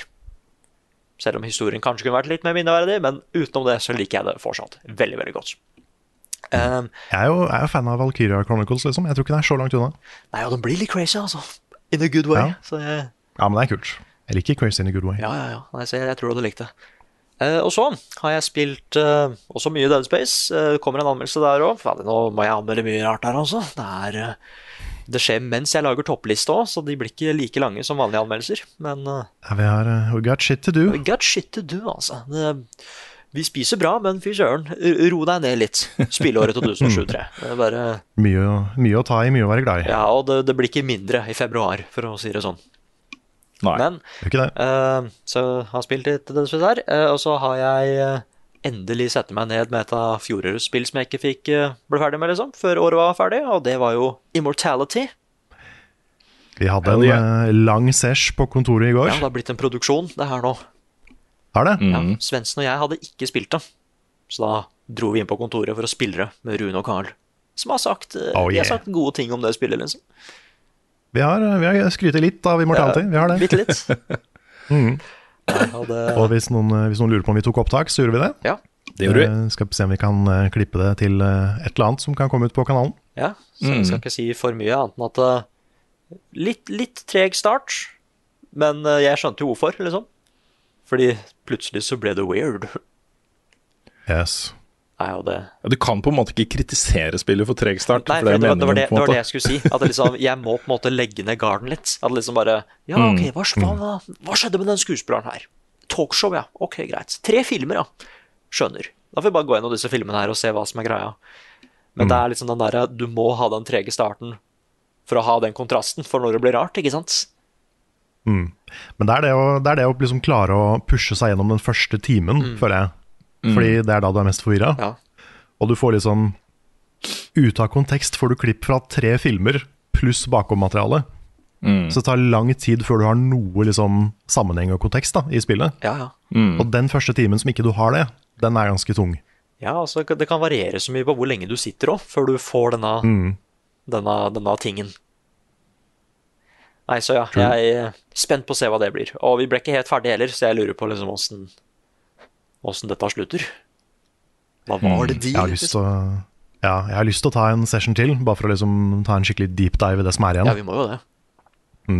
Ikke, ikke for å finne alle klippa, liksom, men bare for å finne det, de mest relevante. Ja, jeg, jeg vil ha et Ja. eh, noenlunde helt bilde her, liksom. Men du har kommet eh, ganske langt, vil jeg si. Ja da. Men det er ett mysterium i det spillet som jeg fortsatt ikke har funnet ut av. Jeg har ikke villet gå på nett for å finne ut av det heller. Så jeg er litt spent på om vi kommer dit, sånn at vi kan utforske det litt sammen. Ja, ja, ja. Nei, så ikke helt ferdig der, men jeg er veldig spent på hva som skjer. Det, men det er også litt sånn, for å vite nøyaktig hva jeg syns om det, så må jeg se Jeg må se helheten her, da. Eh, så det blir gøy å fortsette det her. Eh, og det siste, da, er at jeg tok en eh, Jeg tok en Sifu-stream. Fordi det er også et spill jeg ikke hadde spilt fra i fjor. Det var så gøy å se deg spille Sifos. Ja, jeg fikk ikke vært med på den streamen, men det var, eh, jeg har sett den i opptak. Åh. Det var kjempe, kjempegøy. Du var, du var så god som jeg forventa at du skulle være. Åh, takk. Jeg var litt stressa, for jeg følte ikke at jeg fikk til gameplay på starten. For det var sånn Det er jo ikke noe Det var i to minutter, Nick. Ja, Ja, det var to minutter. Ja, for det var sånn uh, uh, Plutselig så var det liksom ok, jeg skulle deflekte, men så skulle jeg dodge, og så hadde jeg forskjellige retninger jeg skulle dodge, og jeg syns det var veldig lite indikasjon på når jeg klarte å deflekte et angrep, og jeg følte at dæven, jeg får ikke det her helt til, på en måte. Og nå er det folk som ser på, så nå er det enda mer eh, stress, liksom. Men så var det bare et eller annet som Akkurat som Sekro, det er et eller annet som plutselig klikka for meg i, eh, i, eh, i det første kapitlet, og da ble det litt sånn Ok, nå, nå skjønner jeg greia. Tror jeg, da. Og så følte jeg at jeg, jeg ble bare bedre og bedre gjennom hele greia. Så det var kjempegøy. Jeg begynte å kaste ting med beina og sånn. Ja. Jeg så den der puffe, puffestrategien din var uh, nydelig. Ja, ja, ja. ja. Det var uh, next level. Jeg var så lethal. Det er, så, det er sånn jeg begynte å gjøre etter veldig veldig mange flere timer. Ja, så tingen er at Du spilte jo Sifu i to timer, Nick. Ja. Og du kom jo liksom til den nest siste bossen, og du var jo Hadde du bare pusha på en halvtime til, så hadde du runda spillet, og det er liksom Ja, det er litt, det er litt mer. Det er to Ja, ok, bosser til. litt mer. To bosser ja, til. Men, ja, nettopp. Men uansett, da, at du kom helt dit uh, på to timer, er jo sånn Det er nesten Jeg blir nesten litt pinlig over egen, uh, egne ferdigheter når man uh, ser sånne ting. Så det var sterkt levert, altså. det. Det var det. Åh, jeg var så close! Jeg var så close på å ta, så klarte jeg det ikke. Det var Ah. Har du spilt noe mer? Nei, fordi det var Fire Emblem og Dead Space, vet du. men, eh, men så fort, liksom, så fort eh, ting har roet seg ned, det er uten tvil det første jeg skal gå tilbake til. Mm. Jeg, eh, jeg, jeg, jeg, jeg ble både Jeg ble forvirra og forelska i de to timene. Mm. Hvis du streamer det mer, så skal jeg være med på streamen. Altså. Ja, fordi jeg holdt på å si kjapt nå Bør jeg ta en stream til der jeg fortsetter der jeg slapp, eller bør jeg liksom spille litt nå for å bli litt bedre, og så ta en stream til? Jeg ville kanskje ha fortsatt eh, der du slapp. Ja, Ja, I hvert fall når du gjorde det så bra i starten, så bruker Mm. du ikke lang tid på resten av spillet, tror jeg. ok. Hva hvis jeg gjør det verre? Ja, Det kan, kan jo alltid skje, da, men, men eh, jeg tror Nei, ikke det, det, gjør det. gjøre, det du kan gjøre, Nick, det er jo å fortsette der du slapp, Ja. fullføre spillet, og så ta en runde på master. Oi. Oi. Ja. Eller så Det er et postgame, eller det er en quest du kan gjøre etter, etter du har runda det. Oh. Den kan du gjøre på stream, det er kult. Mm. Ok. For det, det er en del av det samme som du gjør før du runder det, men kind of different. Oi, da må jeg tenke litt her, hva som er best. Nei, så ja, Sifu er bra. Det er det jeg skulle si. Sifu er veldig bra. Du minna meg på en måte på hvor bra Sifu var når du spilte den. Ja, fordi dere er helt ferdige. Det, det er du så klart. Du sa jo akkurat nå hva som skjer i endgamet. Ja. Ja, fordi, ja, fordi hvilken, hvilken score hadde dere gitt Sifu? Jeg tror Svendsen ga det åtte, gjorde han det? Ja, jeg er på ni. Ja, jeg også er på ni. Jeg er nesten på Nei, jeg er ikke helt på ti, men jeg er på ni. Ja, jeg må finne ut hvor, hvor jeg er hen der. For det, bare, det, det var så my kind, of, my kind of game, liksom. Jeg ser etter flere mm. og aktige opplevelser, og dette her ga meg akkurat den samme tingen. Ja, jeg har aldri vært så anspent når jeg har spilt et spill som Sifu. Det er sånn by far det mest intense jeg har spilt. Sånn uh, skuldre over uh, hodet-messig. Mm. Men det er bra, altså. Det er sykt bra. Har dere prøvd vann fra springen? Jeg har sett en ny TV-serie ja, nå, vet du. Dette albumet må dere høre. TV-spill er ganske stas. Det er en serie som foregår in space. YouTube.com er en kul nettside. Level Ups anbefaling. Vi starter anbefalingsspalten på litt eh, utradisjonelt vis denne uka her. Rune, du har et eh, spørsmål vi skal svare på. Ja, vi har fått inn et spørsmål fra vignettmester Martin Herfjord, som rett og slett da spør hvordan lager dere deres favorittfrokost? Og grunnen til at eh, det ble akkurat det spørsmålet, var at jeg hadde en hverdagsanbefaling denne uka her, som passer til det spørsmålet. Ok? Så vet ikke, skal jeg begynne? Ja. Ja. Jeg var nemlig eh, i eh, Sverige. Eh, har vært flere ganger de siste månedene, i, både i jula og på, på hyttetur med uh, svogeren min for et par helger siden. Og da oppdaget jeg to ting i Sverige som, uh, som har forandra livet mitt. Og det ene var en uh, ny Eller en ketsjup fra en produsent som heter Jonnis. Jonnis, Jeg har ikke sett det i noen norske butikker. Nei? Jonnis ketchup. Er, den heter da Jonnis klassiske ketchup, eh, søtsterk. Og den har både tomat og paprika, Okay. og noe et eller annet spicy. Det er sikkert noe chili-greier, så den har litt bite. Men den er, den er også så, um, så rund og god, og, og uh, bedre enn vanlig ketsjup. Altså, det er min nye desidert solklare favorittketsjup. Uh, og den passer da til uh, da det som er min favorittfrokost, som jo er egg, bacon eh, Ja, egg, og- egg og bacon i hvert fall, og tomatbønner. Ja. Og da har jeg en anbefaling til, og den får du tak i Norge på eh, de litt sånn dyrere butikkene. Jeg tror de har det på sånn type Meny og Jacobs og sånt. Uh, Heinz har en sånn tomatbønner-serie, og en, en variant der er med chili. Tomatbønner med chili. Det er så hyggelig at vi har kommet hit i podkasten at Rune også anbefaler tomatbønner. Men det også, Jeg er veldig glad i tomatbønner, men disse tomatbønnene her er altså noe av det Det var også så godt. Så på vei tilbake da fra den gutteturen, for de hadde med det da til gutteturen, og da spiste vi egg og bacon til frokost eh, to dager, um, så kjøpte jeg åtte, åtte sånne cads med Heinz uh, tomatbønner med chili. Det det er liksom fylt opp pantryen hjemme. Ha. Og det er altså, det er altså så godt. Det er så godt. Så um, ja, det er, det er Legge inn litt pannekaker i miksen her, med lønnesirup også. Så er det min perfekte frokost. Ja. Er, du, er du også glad i tomatbønner, Nick? Jeg, har jeg egentlig spist tomatbønner? Så jeg er litt usikker. Ja, kanskje vi må introdusere deg for det? Du vet hva, Jeg har jo jeg har planlagt å ha en sånn her level up middag um, uh, her hjemme. Litt sånn hyggelig sosialt, uh, litt inspirert av din samling uh, for, uh, i helgen, Karl. Ja. Det kan jo være frokost til middag, for det er jo et konsept jeg er veldig glad i. Frokost ja til middag. det, det er bra. Så jeg inviterer dere på egg og bacon og tomatbønner uh, og pannekaker en dag. I Ah, will nice. be there. Ja, for da, ja, fordi da, da setter jo det standarden for alle tomatbønnene jeg, kommer til å spise, ikke sant? Ja, sant. Så som når jeg allerede introdusert Nick for uh, knorr lasagne, Ja, ja, ja. så neste ting er kanskje, kanskje tomatbønner. Mm. ja men det er jeg lett med på. Mm. Men min eh, Nei, eller skal du ta din frokost først? Nei, ta din først, Nick. Nei, fordi jeg har jo spist mange forskjellige frokoster og sånn, jeg, da. Uh, yoghurt og sånn. Uh. Men den beste frokosten er uh, cornflakes som er laget riktig. Mhm. Eh, det er en kunst, skjønner dere. Eh, det, er, litt mye trening, da. Du må faktisk vite nøyaktig hvor mye cornflakes du skal ha hver morgen, liksom. Eh, hva er det du ler av? Det. Ja, det er- det Dette er science. Fordi det som er, da, er at du, du stacker det opp som en lasagne. Det er egentlig hva du må gjøre med en cornflakes. Du tar først så fyller du halvparten med cornflakesen, liksom. Så tar du et lite lag med det du vanligvis har på toppen av cornflakesen. Liksom litt sukker og litt, uh, litt uh, jordbærsyltetøy eller noe sånt. Så fullfører du det originale laget med cornflakesen. Og så tar du melk, og så tar du de ingrediensene du hadde i midten, på toppen. Fordi du Så får på en måte to forskjellige med, dobbelt lag med topping, på en måte. ja, bare at du har ikke mye lag liksom i den midtpartiet. Men det Nei. blir en egen greie i midtpartiet fordi det liksom Det går inn i melka og cornflakesen, ikke sant? Hmm. Så jeg får på en måte sånn, sånn fire forskjellige smaker på den syltetøyen hvis jeg har gjort det riktig.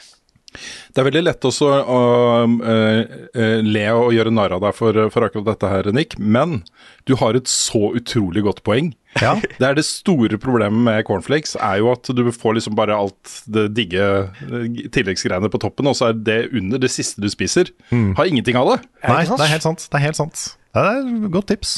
Mm. Det kunne vært sånn eh, juleprogram-tips. eh, Sånn matlaging-tips. Å, Mm. dere. Men uh, jeg vil prøve. Jeg, for jeg liker liksom cornflakes med syltetøy og banan. Ja, ja, ja. Altså bananbiter, liksom. Mm. Så kanskje liksom putte litt syltetøy og banan i midten. Det er smart. Ja, da får du ekstra lag, liksom. Ja, min favorittfrokost er jo egentlig det samme som Rune sa. Egg og bacon med bønner og kanskje noe toast ved siden av og sånne ting. Det er noe av det beste jeg vet. Men jeg har begynt, da. Uh, og dette er ikke Dette er langt fra favorittfrokost, men det er en frokost jeg har prøvd å begynne med. Og det er sånn herre Bare bra, nå viser jeg til den Rune og Nick, bare bra supergrøt. Ja.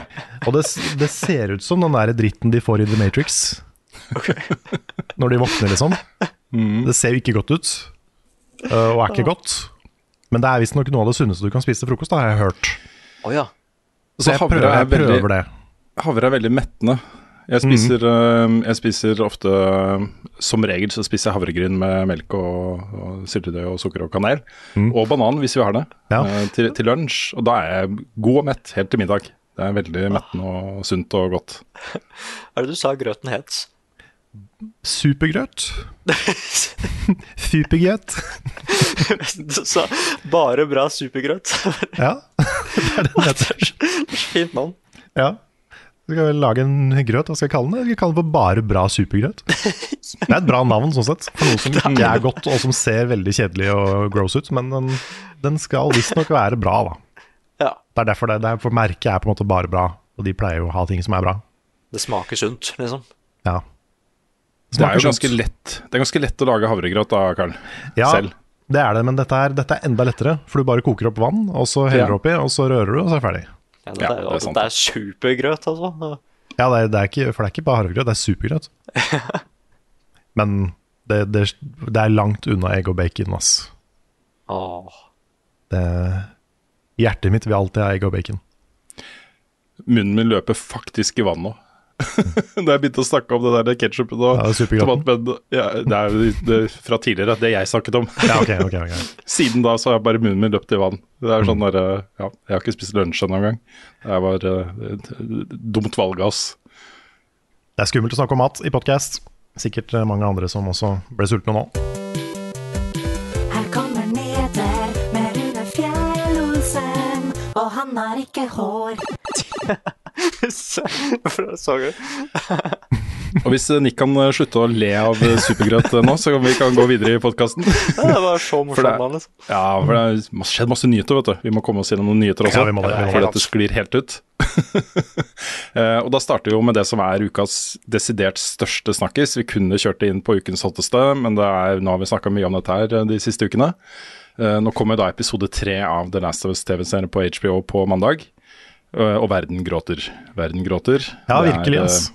Ja, det var en utrolig god episode, altså. En utrolig god episode. Jeg gleda meg sånn til å se den igjen. Og kona, jeg satt og så den med kona, og hun grein flere ganger i løpet av episoden. Og uh, det gjorde jeg da jeg så den første gang også. Og det, er, uh, ja, det er så bra TV, altså. Det var liksom ikke det her jeg forventa av den serien.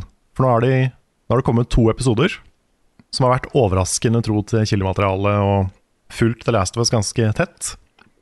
Og så kommer denne episoden her, som er liksom, den er annerledes.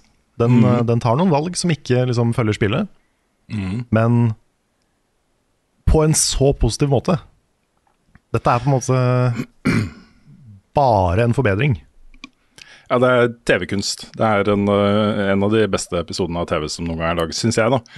Eh, og så tror jeg en episode som kommer til å spikre en god del sånne Emmy-priser og sånt for serien uh, generelt, når den tid kommer. Um, jeg vil også bare nevne, for det har kommet en del eh, tilbakemeldinger til meg på Twitter, fra folk som syntes det var trist å høre at serien pika allerede på episode tre. Eh, og ja, det er den beste episoden i sesongen, syns jeg, da. Okay. Men eh, det er flere ti av ti episoder igjen eh, i i resten også. Så, um, så ikke vær redd for det. Uh. Eh, men grunnen til at jeg tok opp dette først i nyhetsspalten, er jo fordi nå er jo da The Last of Us fornya for en sesong to. Um, det har gått såpass bra at de får en sesong til. Um, og det lå litt i kortene, men, uh, men HBO ville jo ikke committe til det før de så hvordan det gikk med sesong én, selvfølgelig. Og sånn er det jo alltid. Og Der har jo eh, Craig Mason eh, og Druckman snakket litt om utfordringene med å fortsette historien basert på da part to. De sier jo begge to at dette er en mye større og mer kompleks historie som ikke eh, kan fortelles på bare én sesong.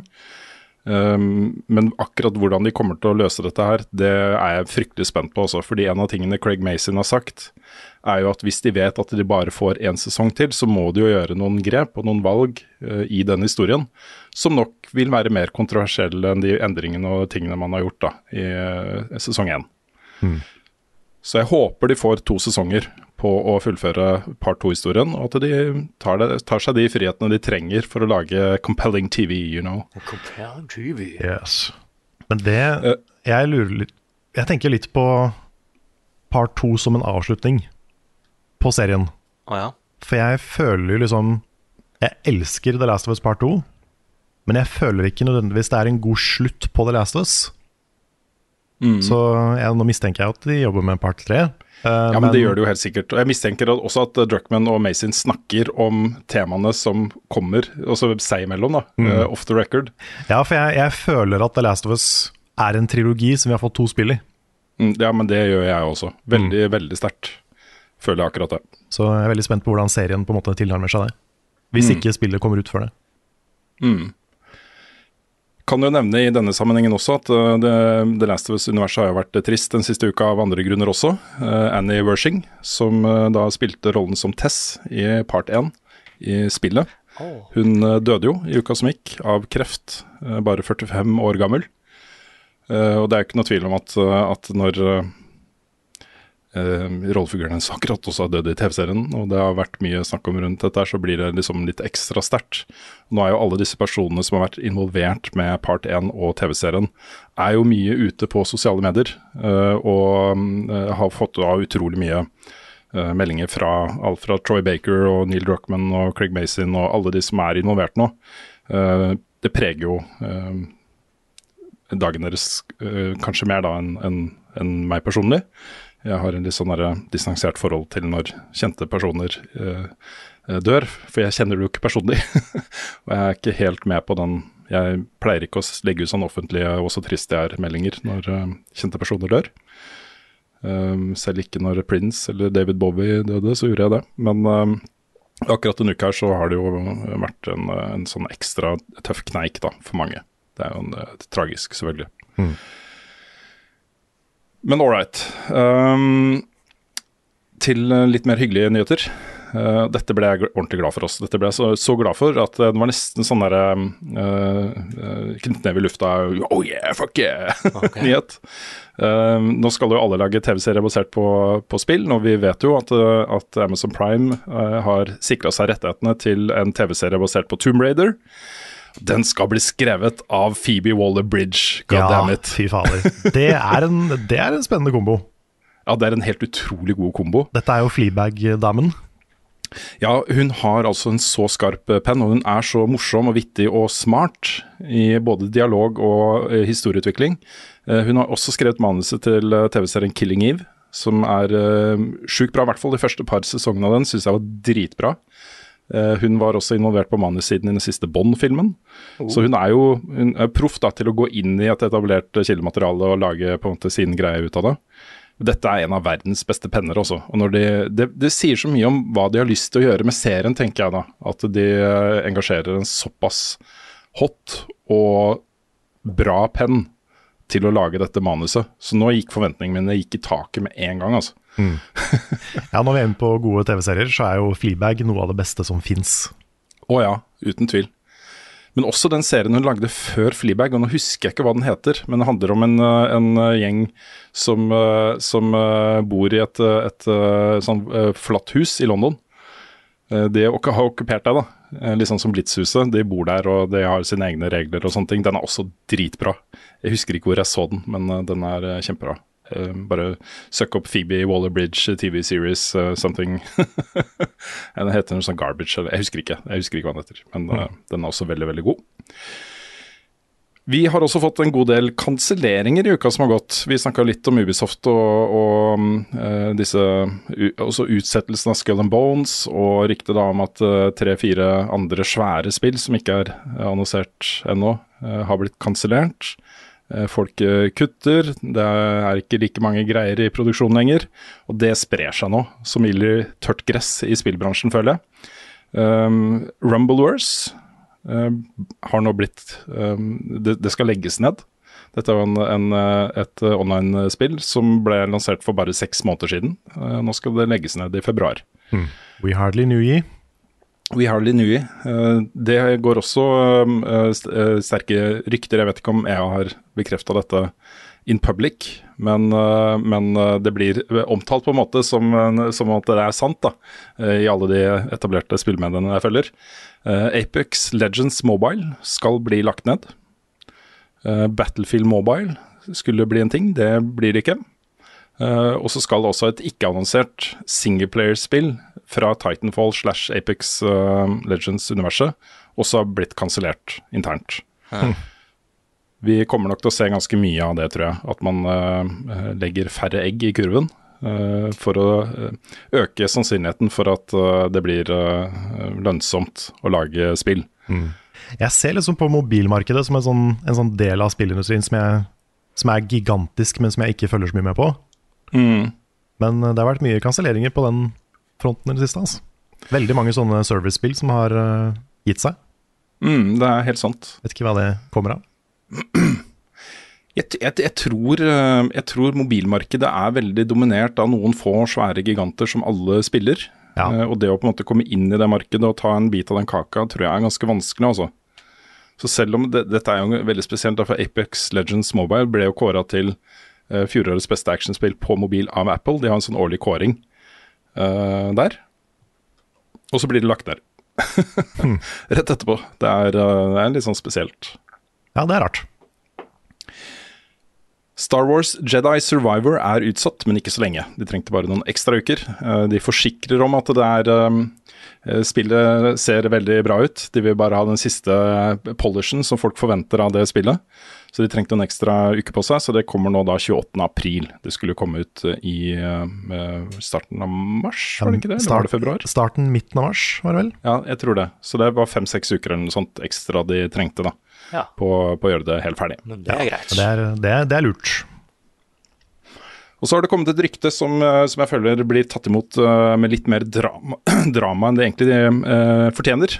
Og Ryktet er jo da at både Nintendo, Microsoft og Sony dropper uh, det første fysiske eteret på mange år. De skal ikke være til stede på selve eteremessa. Men det har de jo heller ikke vært på veldig lenge. Også de har jo eh, hatt stands kanskje da, inne på gulvet. Men det som har vært hovedbidraget fra disse tre til disse konferansene, er jo disse eh, pressekonferansene de har kjørt selv på utsiden av etere. eh, på andre lokasjoner, andre steder i Los Angeles mens etere pågår. Så jeg vil, jeg vil gjerne vente med å være bekymra for årets etere til jeg vet når, når og om de skal ha disse pressekonferansene i tilknytning til etere. Ja. ja, for Sony skal sikkert ikke det, for de pleier jo ikke å ha det lenger. Nei, Det er en stund siden de har hatt, altså. Mm. Men eh, Xbox har alltid hatt. Mm. Nintendo har vel pleid å kjøre Direct så å si hvert år. Ja, jeg tror Ja. De siste årene så har de gjort det. Ja, I fjor hadde de vel ikke Nei, det det, tror jeg stemmer. Da var det ikke E3 heller, så kanskje det er derfor. Mm. Men skal de ikke ha stands på E3 heller? Fordi Nei, det, det er er vel, ryktet- det er vel første gang. I hvert fall for Ja, det er det ryktet går på, da. Mm. Mm. Uh, vi har fått et spørsmål her også fra uh, Solan Rouge, et veldig bra brukernavn på Discord-serveren vår. Uh, som først da sier velkommen tilbake, Carl. Ja. Det er det mange som sier i spørsmålene denne uka. her. Tusen takk. Ja. Um, skriver da Nå som de leier ryktene om at Nintendo, Microsoft og Sony ikke planlegger å delta på E3 i år, hva gjør det med deres E3-planer? Planlegger dere fortsatt å dra på messa med fullt crew? Og um, det blir jo litt sånn som jeg nettopp nevnte, hvis det kommer da nyheter om at det blir presse, pressekonferanser der på en scene med liksom fullt show i tilknytning til E3, Uh, og i tillegg at vi får muligheten til å dra på Summer Game Fest-showet, som jo tro, jeg tror det skal være uh, torsdagen før eller noe sånt. Torsdag-fredagen før etermessa. Det er i hvert fall i samme periode. Oi, da er det Kili-krig. Kili-krig. Eh, så, så eh, påvirker det ikke vår beslutning. Eh, det er fortsatt et sjukt trangt nåløye vi skal gjennom der. Vi må få råd til å dra, rett og slett. så um, Ja, det er, det er ikke billig å sende et helt crew til USA Nei, det er ikke det. med er overnattinger og ting og tang. Og så er, men det er jo flere ting, da. Det er jo fuckings Super Nintendo World har jo åpna i Universal. Det er kult å ha dratt innom der. Å ja. Det er mange kule pokerturneringer i Las Vegas. Så. Ja, mye, mye å finne på i USA. ja, det er det. Er det. Nei, Vi har veldig lyst, da. Vi har Mm. veldig lyst. Men vi må få noen flere brikker av det puslespillet her til å eh, settes på plass først. Og så må vi prøve å få det finansiert på et eller annet vis. Ja, Så, vi har ikke vært der siden 2015. Det var, Nei, eh, jeg har bare vært der to år. Og da, da følte jeg liksom meg litt forsynt etter de to åra. Men nå har det gått så Mm. lang tid at nå er jeg klar igjen. Jeg lurer på hvor mange ganger jeg har vært her, da. Det er mange, altså. Første året jeg var på etere, var i 1998. Oi. Da var det fortsatt i Atlanta. Ha. så ble det flytta til Los Angeles i 99. Jeg Du- tror det er bare Du har, liksom to vært på, år. du har liksom vært på de showsa som ikke det fins video fra og sånn. Jeg har det. Jeg har det. det er, eh, jeg tror det er bare to år eh, før da pandemien kom, som jeg ikke var på etere. Fra da 1998 til da 2015. Hmm.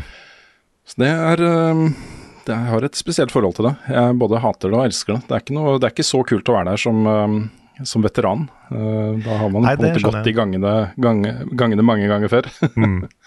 Men eh, Nei, hadde det ikke vært for at det nå er eh, sju år siden sist, så hadde jeg ikke vilt. Men eh, nå vil jeg igjen. mm. Nei, det hadde blitt en opplevelse, så vi prøver å få til det også. Skal vi leke en lek? Velkommen til spalten Er det en rumpe, eller er det Runes hode? I dag blir det høytlesing av dikt om Sonic. Nødt eller sannhet, kanskje? Slik raider du med barna dine. Dagens debatt hvem er egentlig best av Luigi og Mario? Wildcard-spalten. Oh boy, oh boy. Spillåret 2023 er allerede i gang. Og i den anledning så har vi noen predictions for året vi har foran oss. Men først skal vi gå gjennom, for dette har vi gjort et par år før. Så før vi begynner med våre 2023 predictions, skal vi gå gjennom våre 2022 predictions for å se hvor, eh, hvor på jordet vi var. Og det viser seg at vi var ganske på jordet. Ja, ok. Jeg har, okay. gått, jeg har gått gjennom alt vi eh, trodde kom til å skje i 2022 uh, da, eh, til i dag, og vi har, skal vi se Rune vant, kan jeg si først, Yay! eh, med to og et halvt poeng. Number one! Yes. Number one! Og resten av oss fikk sånn 1 og 0,5 poeng. Ok, greit. Jeg Så Hva var maks man kunne få?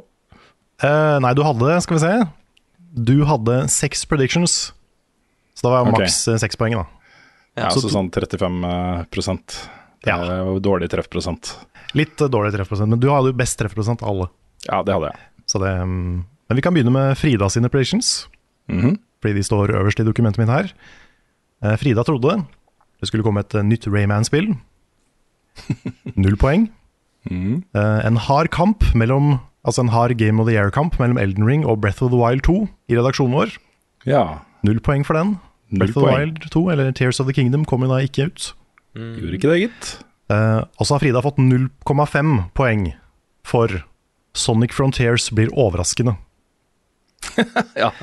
Men Den var litt vag, men du får et halvt Ja, poeng. Det kan det kalles en prediction, liksom? Fordi Også, også Grunnen til at det er 0,5 og ikke ett poeng, det er at liksom sju av ti er det overraskende. Kan du kalle en sjuer overraskende, til og med når det er Sonic? Mm. ja, Men det var bra, da. Det var bra, for det var jo liksom overraskende bra for å være det spillet.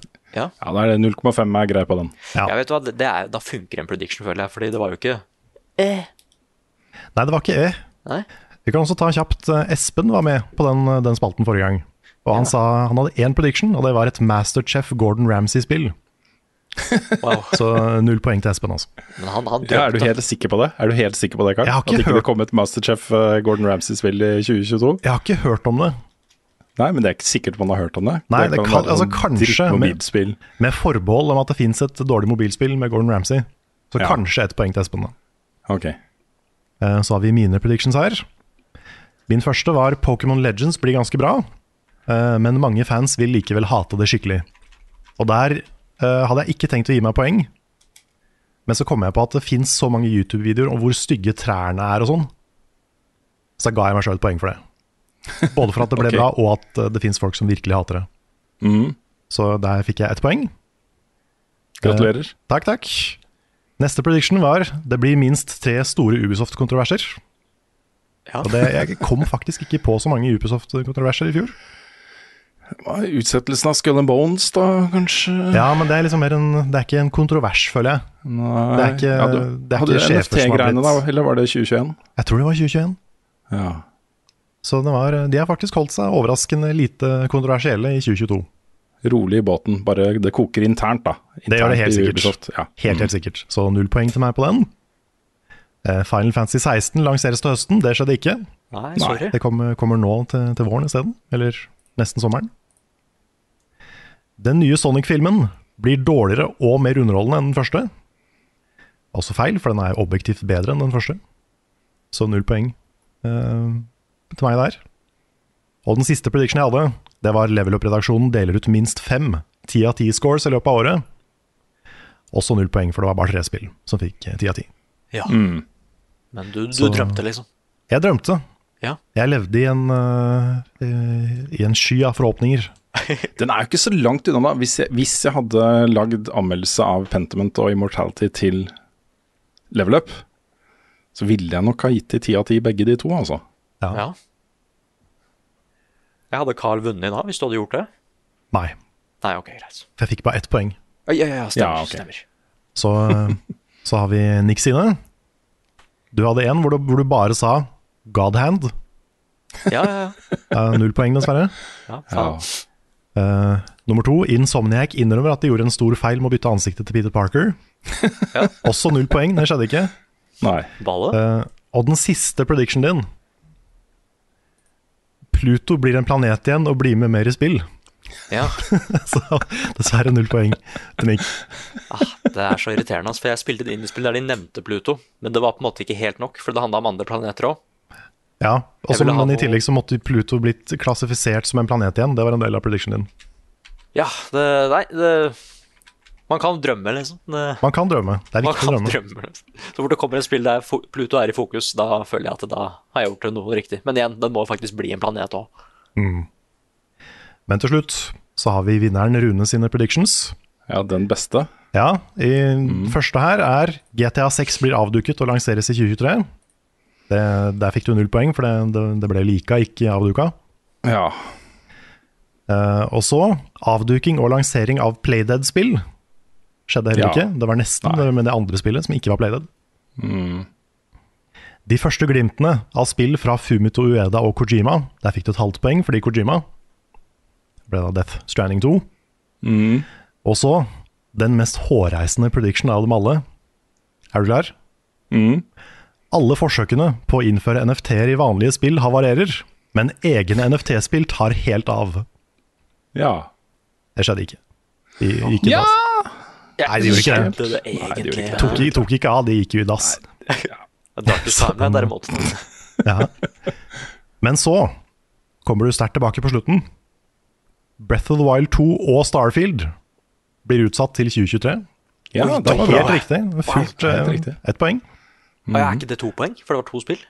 Nei, det var liksom én prediction. Ja, ok, greit. Jeg- Hadde jeg satt opp som to, så hadde jeg fått to poeng. Da hadde du fått to poeng. Mm. Og så siste.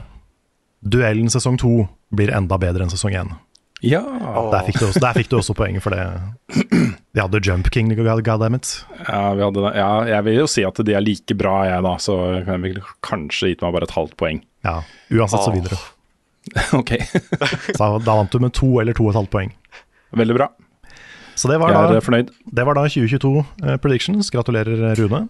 Tusen takk. Da vet dere jo oppskriften da, på å vinne predictions. Det har så mange Ja, at uh, sannsynligheten for at du treffer på noe, øker litt. Sånn at du bare får litt flere, ikke sant.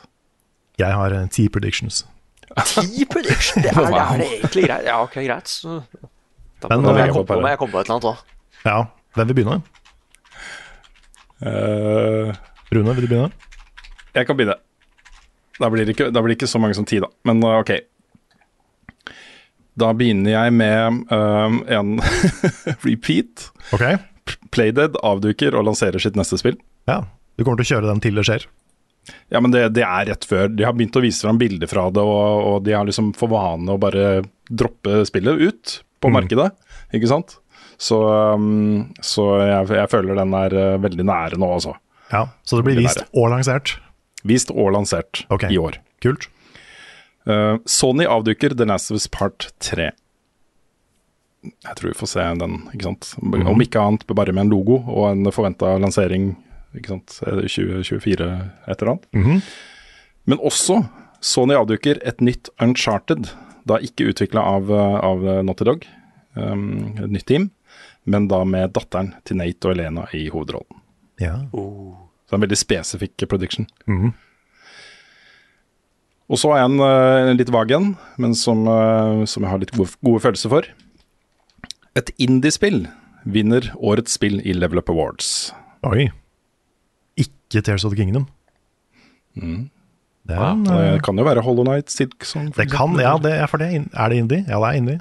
Ja, det er indie. Ja, Det er både laget og ut, utgitt av Team Cherry. Så, ja da er det veldig indie. Mm. Det er sant. Men det kan komme noe helt nytt også. Mm.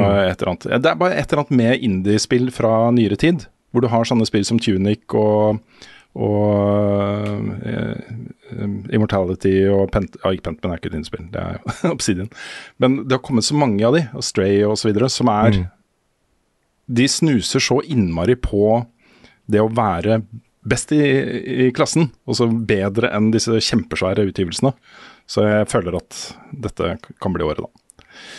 Um, Microsoft får kjøpe Activision Blizzard, er en prediction. Ok. Mm. Uten, uten caveats, liksom? Ja, det kan komme caveats.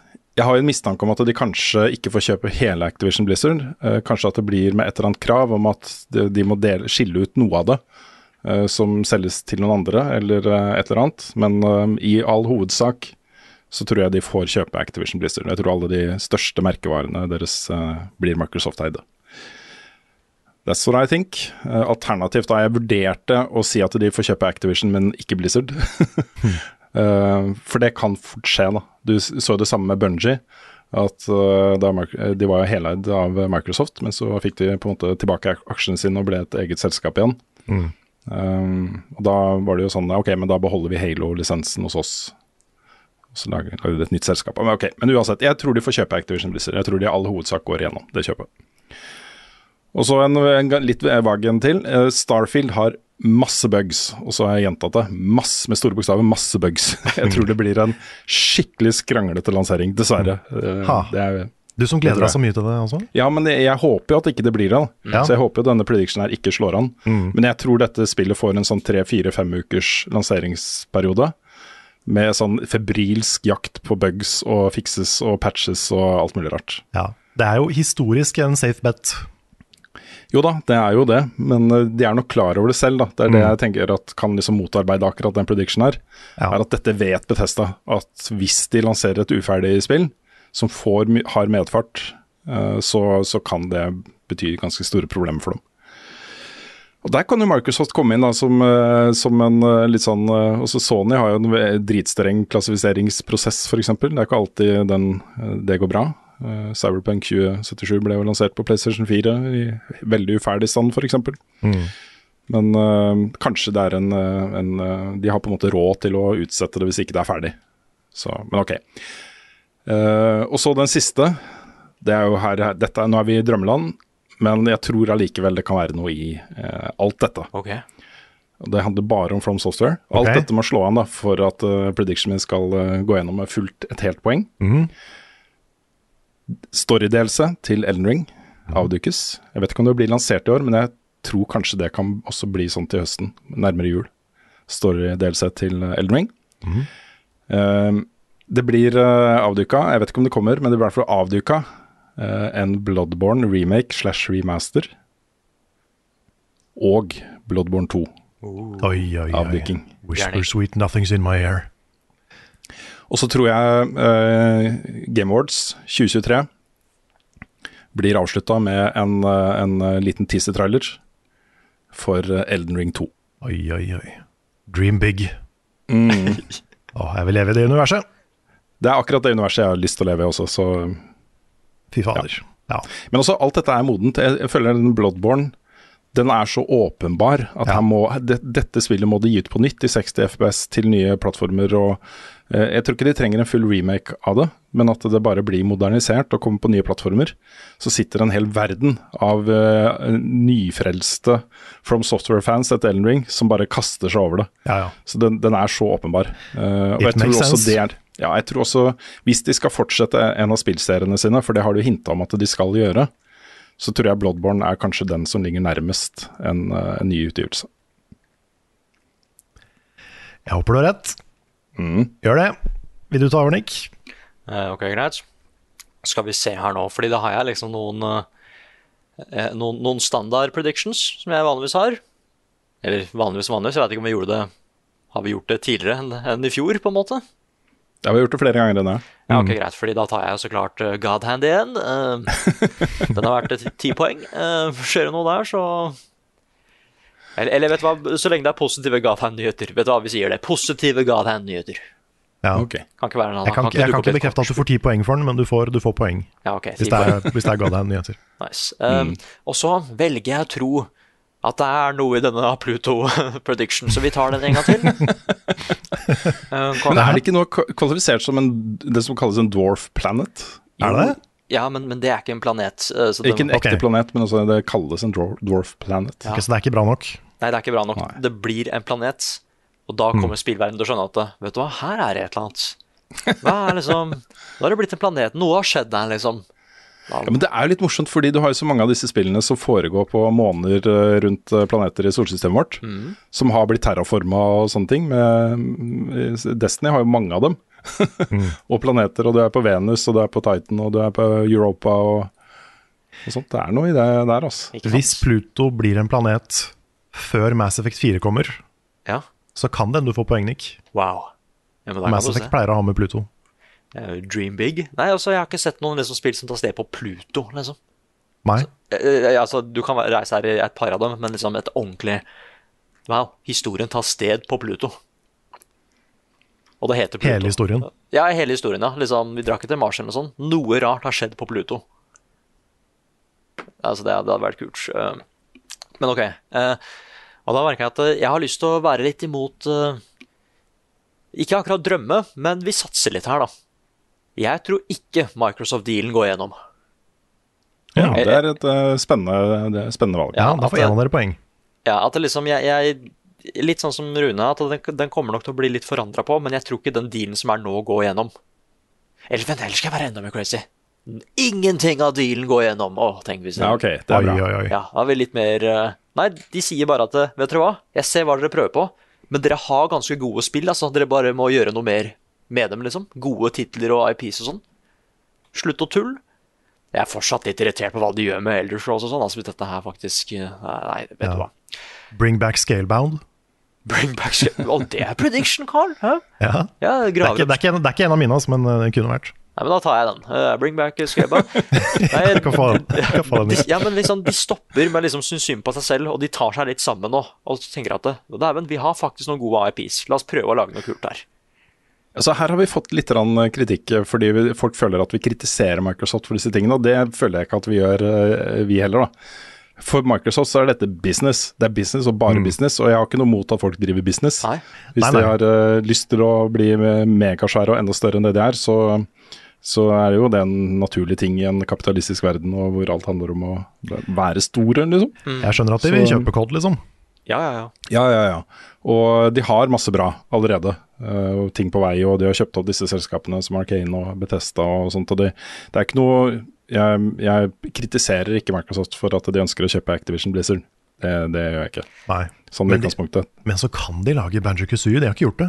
ja, Nei, de kan lage Banjo Kazooie. De De har ikke det. gjort det. Mm. ja, og jeg er litt sånn der at det bare Hvorfor, hvorfor lage noe nytt når vi kan kjøpe ting? Liksom? Det, det, jeg syns ikke helt det. Nei, eller det, Men visste dere at Visste dere at uh, Banjo Kazooie var det spillet som gjorde at uh, Nick Offerman sluttet Ja. å spille dataspill? Det er så morsomt at av alle spill så er det Banjo Kazooie som gjør at shit, spillet er farlig. Liksom. Ja, ja, ja. Satt i to uker og nyspilte det. Og Det er så sånn gøy. Da kan du se, ass. Det, Ja. Nei, så, så ja, jeg, jeg sier den at Microsoft-dealen går ikke gjennom. Uh, så har jeg hatt det nå som Near har gjort det så bra, da, etter Automata og den remasteren som dukka opp, og anime, så tror jeg at Drakengard får en remake.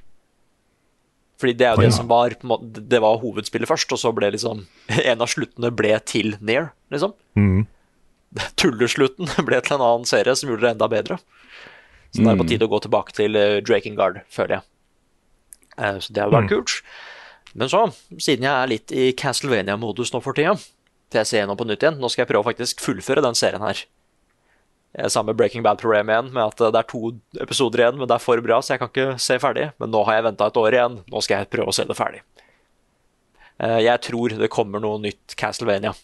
Og jeg tror det kanskje blir en remake av de originale spillene.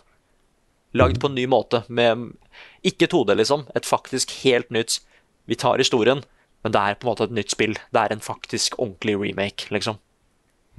Det kunne vært En, kult. en 3D Symphony of the Night, eksempel, kunne vært Ja, eh, ja, ja, ikke sant? Oh. Det er noe kult her, altså. Det er veldig mye kult der. Eh, Så har vi Det har dukket opp så mange liksom, trailere av sånne kule I hvert fall kule konsepter av kinesiske spill og sånn. Liksom action-heavy Veldig action-heavy spill. Mange av de er laga for personer og sånn, så jeg tror at i år så kommer det et derfra. Og det, og det er det tar av. Game of the Year-potensial, liksom. Eller det, det skal litt mye til, men det hadde vært liksom gøy at det bare Ja, et av de Jeg føler at mange av dem igjen har kule konsepter, men det blir ikke så mye av dem etter hvert.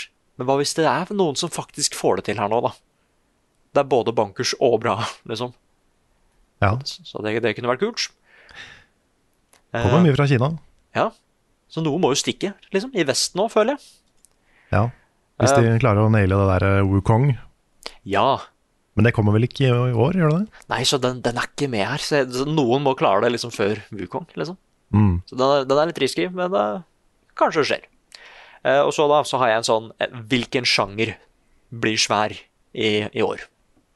Eh, og da har jeg liksom Jeg tenkte liksom Ja, det er et eller annet med golfspill, kanskje noe der tar av, liksom.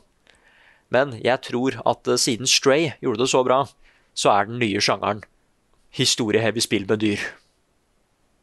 Mm. Ikke en ny sjanger akkurat, men jeg tror det kommer til å dukke opp mye mer sånn som Stray. Med at uh, gameplay er faktisk at vi styrer dette dyret sånn som det skal fungere, på en måte, i naturen. Men at det er Ja, så ikke, ikke sånn som Frog Detective og sånne cartoony Nei, fordi det, det, det, kunne du blitt, det kunne blitt fortalt med mennesker òg, føler jeg. Mye av det. Ja, så det er dyr som oppfører seg som dyr. Ja, det er et faktisk dyrespill, liksom. Ok. Ja, at det liksom, ja, Stray hadde en litt spesiell setting, så klart, men du var den pusen. Mm. Kunne klore på møbler og sånn, og du var liksom like nimble som den pusen skal være. Du var ikke en puseperson, du var en pus. Ja, Så det kommer liksom et, et kaninspill hvor du er en kanin eller en, en good boy, f.eks. Ja, fordi, ja, hva hvis det er, det er et kaninspill, liksom? Men så invaderer Jorda blir invadert av aliens, OK? Da må den kaninen overleve. Kanskje den havner i en sånn der, uh, i en Stargate og havner på en annen planet, ikke sant? Ja, så ja, jeg tror det kommer til å dukke opp flere, flere spill med dyr som er litt mer historieheavy, sånn som Stray. Vet ikke hva jeg skal kalle det, men uh, ja. Historieheavy dyrespill. Ja, Det kommer jo et eh, spill, nå skal jeg se om jeg klarer å um, finne ut hva det heter. Et, eh, et, sånn sort-hvitt spill hvor du spiller som en rev. Kommer nå i februar, tror jeg det er. Oi. Ja, er det der med reven og rådyret eller noe sånt? Stemmer. Ja, Hvor du må liksom samarbeide om å løse oppgaver og sånt. Og de er jo Ja. veldig dyr. De er dyr. Det, det spillet det er det som ser, ser ut som det kommer til å bli sykt trist. Oi, det har ikke jeg Mm. sett nå. Men uh, da kan du se, ass. Da har det starta. Ja, det er sånn crying flags.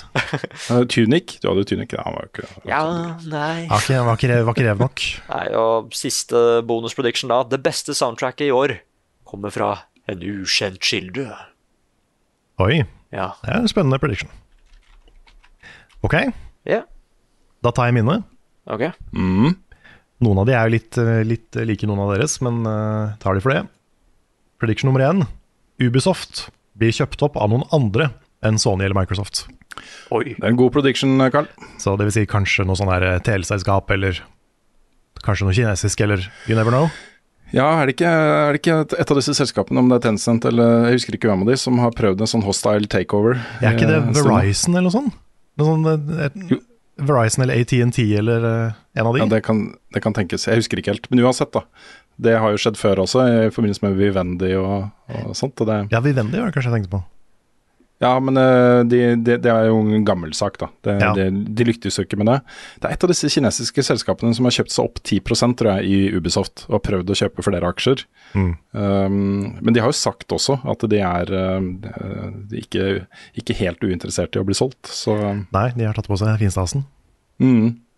Så could happen. Og så, Nintendo begynner å hinte om den neste konsollen sin, som også er en hybridkonsoll, og vil få egne versjoner av både GTA 5 og Skyrim. Oi. Hmm. Oi, det er mye på en gang. Mye på en gang. Jeg har ganske sånne spissa predictions i år. Ja. Skjønner. ja, fordi de har vært ekstrapoeng, ikke sant? Jeg vet ikke om det egentlig er det, det er bare for å gjøre det litt spennende. Mm. Uh, og så, en prediction som jeg, jeg håper jo den ikke er sann, men den er litt i gata med Rune sin. Starfield får 8 av 10 i gjennomsnitt på Metacritic. Mm. Og 8 av 10 er jo bra, men der man håper jo at Starfield er 10 av 10, ikke sant? Ja. Mm. Oi, hva er enda mer gæren? Gi sju av ti. Åh, nei, men så, så gæren er jeg ikke. Okay. Altså hvis jeg, hvis jeg skulle gitt en prediction på akkurat det, så tror jeg dette er et sånn type spill som kommer til å variere en del, og det ser jeg sånn som Forspoken f.eks. For gjør det. Mm. Eh, Jeg tror det samme skjer med Hogwarts Legacy, eh, hvor du har nesten hele spekteret Mm. eh, på scores. Jeg tror også Starfield. Jeg tror ikke det kommer til å bli sånn Jeg tror ikke det kommer til å bli universalt elska av alle. Eh, Det tror jeg ikke. Nei. Neste her, Mario-filmen knuser rekorder, og Nintendo avslører nyheten om en Zelda-film. Fordi den hadde jeg Den lyst til å ha med, men jeg var ganske sikker på at noen andre skulle ha eh, Ikke, ikke Mario, men Zelda-film. Ja, Mm. det, den, jeg tror Mario-filmen kommer til å eksplodere, altså. Ja, da kan jeg ha Zelda after credits inne. Ja, ok, greit. Jeg har den. Ja, det kan du ha. og så har jeg sammen litt i gata med Rune sin. The Last of Us Part 3 blir annonsert i forbindelse med en lansering av multiplayer-spillet. Men det er langt unna, og er avslutningen på historien. Ja. Så de kommer til å si at dette er slutten på Mm. The Last of Us. ja, det tror jeg også. Det The Last of The Last of Us. Wow. Mm. Uh, og så har jeg Star Wars Jedi Survivor. Blir mye bedre enn det forrige. Men hovedpersonen Cal har ikke en eneste minneverdig scene i spillet. Oi, det, det var Også veldig spesifikt. Veldig spesifikt. Og subjektivt. Og subjektivt, Absolutt. Uh, Square Enix nevner ikke NFT-satsingen sin med et ord på slutten av året. For de nevnte den i slutten av 2022. Mm. Okay. Jeg tror ikke de nevner den på slutten av 2023. Nei, det tror ikke jeg heller. Uh, vi får endelig se Astro igjen. Det er en oh. prediction. Med enten et nytt Astros Playroom eller et VR-spill. Å, det er en bra pro... Å, det, er, det vil jeg Ja, for de sitter og jobber med et eller annet. De må jo det. Det er et av Ja. de teama som ikke ble fjerna fra PlayStation Studios. Mm. Så de må jo jobbe med noe. Og så, jeg var inne på det i stad, eh, den er litt åpen. Det avdukes en remake av enten The Legend of Dragoon, SSX eller Banjo Kazooie. Eller et nytt Banjo Kazooie. Her uh, sprer du deg litt for mye, da. Ja, ok, jeg kan, jeg. jeg kan, Hvis jeg bare tar Banjo Kazooie, så kan jeg ikke holde meg til bare Banjo Kazooie. Eller så kan greit. du ta de tre og få liksom ja, Dele opp poengsummen de tre òg. Mm. Ja, kanskje. Du får lov eh, av meg til det, i hvert fall. Ok, da gjør jeg det. Da gjør jeg det. Og så den siste. Jeg kommer til å gå rundt og spille Kingdom Hearts Missing Link på mobilen, men kommer ikke til å støte på noen andre som spiller det samtidig. Så det kommer til å være en, en ting jeg gjør, som jeg ikke finner så mange andre som gjør. Ja. Bare du. Det blir en meg-ting. Men er ikke det en sånn Ja. self-fulfilling prediction du kan gjøre? Jo, men jeg kan ikke bestemme at jeg ikke skal møte på andre som spiller det. Jo, da kan du. Kan du ikke bare spille hjemme? Jeg kan spille hjemme, men det er som, det er som Pokémon Go-spill. Å ja, ok, ok. Ja, ja, ja. Så du må liksom ut og gå, eller du burde gå ut og gå, da. Å, det visste ikke jeg. Ja, ok. Nei, da, da, da, funker den. Mm, hvis du ser én person, så går det ikke, liksom? Nei, hvis jeg støter på en annen person som har det spillet oppe på mobilen sin, samtidig som jeg har det, Ja. så får jeg null poeng. For da kan jo vi jeopardize den prediction. Ja, det kan dere hvis dere er veldig slemme. Så kan dere. Men da må dere spille Kingdom Hearts Missing Link. Da. Ja, jeg hadde ikke gjort det bare, for liksom, det må jo faktisk være bra. Mm. Nei, eller dette, da hadde jeg ikke bor, spilt i nærheten av Ja, det. du det. Nei? Nei, det setter pris på det. Ellers så kan vi, kan vi spille det sammen. Ja. Jeg vet ikke om jeg ville begynt der, da, på Kingdom Hearts-historien. Det er kanskje det verste stedet å begynne. Men, eh, men ja. Det blir spennende å se om, øh, hvordan vi treffer her. Ja, jeg håper vi får flere poeng i år enn vi gjorde i fjor. Mm. Skal ikke så mye til. Jeg tror, jeg tror vi er inne på noe, altså. På noen av de. Hva er hennes best, hvordan fredag sist har Carl egentlig sopp? Ukens spørsmål. Det er tid for å svare på det dere lurer på. I hvert fall det dere har sagt at dere lurer på. Ikke sikkert vi kan svare på alt dere lurer på. Det blir en lang podkast, podcast, og så har vi ikke Ja. alle svara nødvendigvis. Nei, Bare noen få av de. Hvis det handler om spill, mm. kanskje. kanskje. Men Rune, du har et spørsmål. Ja, jeg har lyst til å ta det spørsmålet her. Det er fra Espen Sandnes Sørensen, som spør da eh, Tenker dere at det er mer kred å ta platinum på PlayStation enn å få 100% achievements på Xbox? Og der kunne vi jo lagt til eh, Steam og andre, andre plattformer, men særlig de tre, da. Full Pokédex. eh, For eksempel.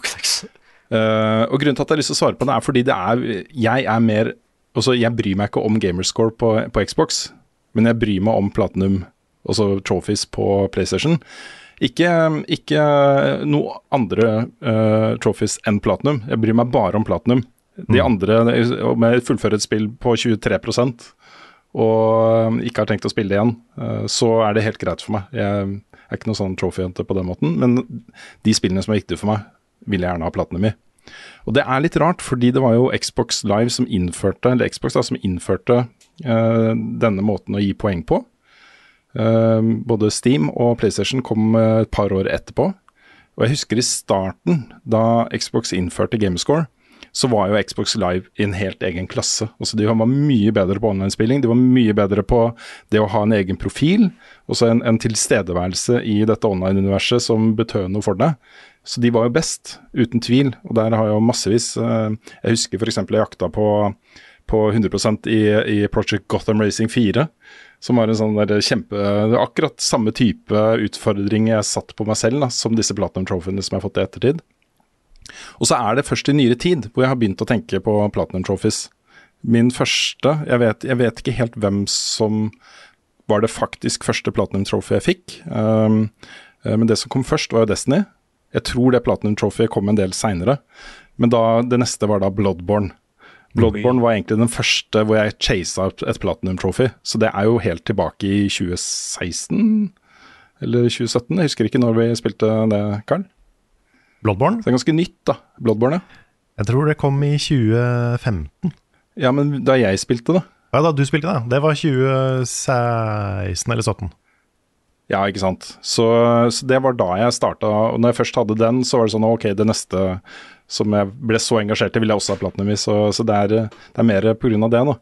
Jeg syns jo at um, det å få et, en pokal og en, et, uh, en videosnutt og et skjermbilde du kan ta, og poste med at du har fått en Jeg syns det smaker bedre enn «Å, Jeg har 100 jeg har 1000 poeng. Eh, Jeg syns jo det. Jeg syns det treffer bedre. Jeg syns det er mer ettertrakta for meg personlig og sånne ting. Men jeg syns Jeg tror også det er litt tilfeldig at, eh, at det er det jeg chaser. At det betyr mer for meg. Nå Jeg har massevis av 100% på Steam også.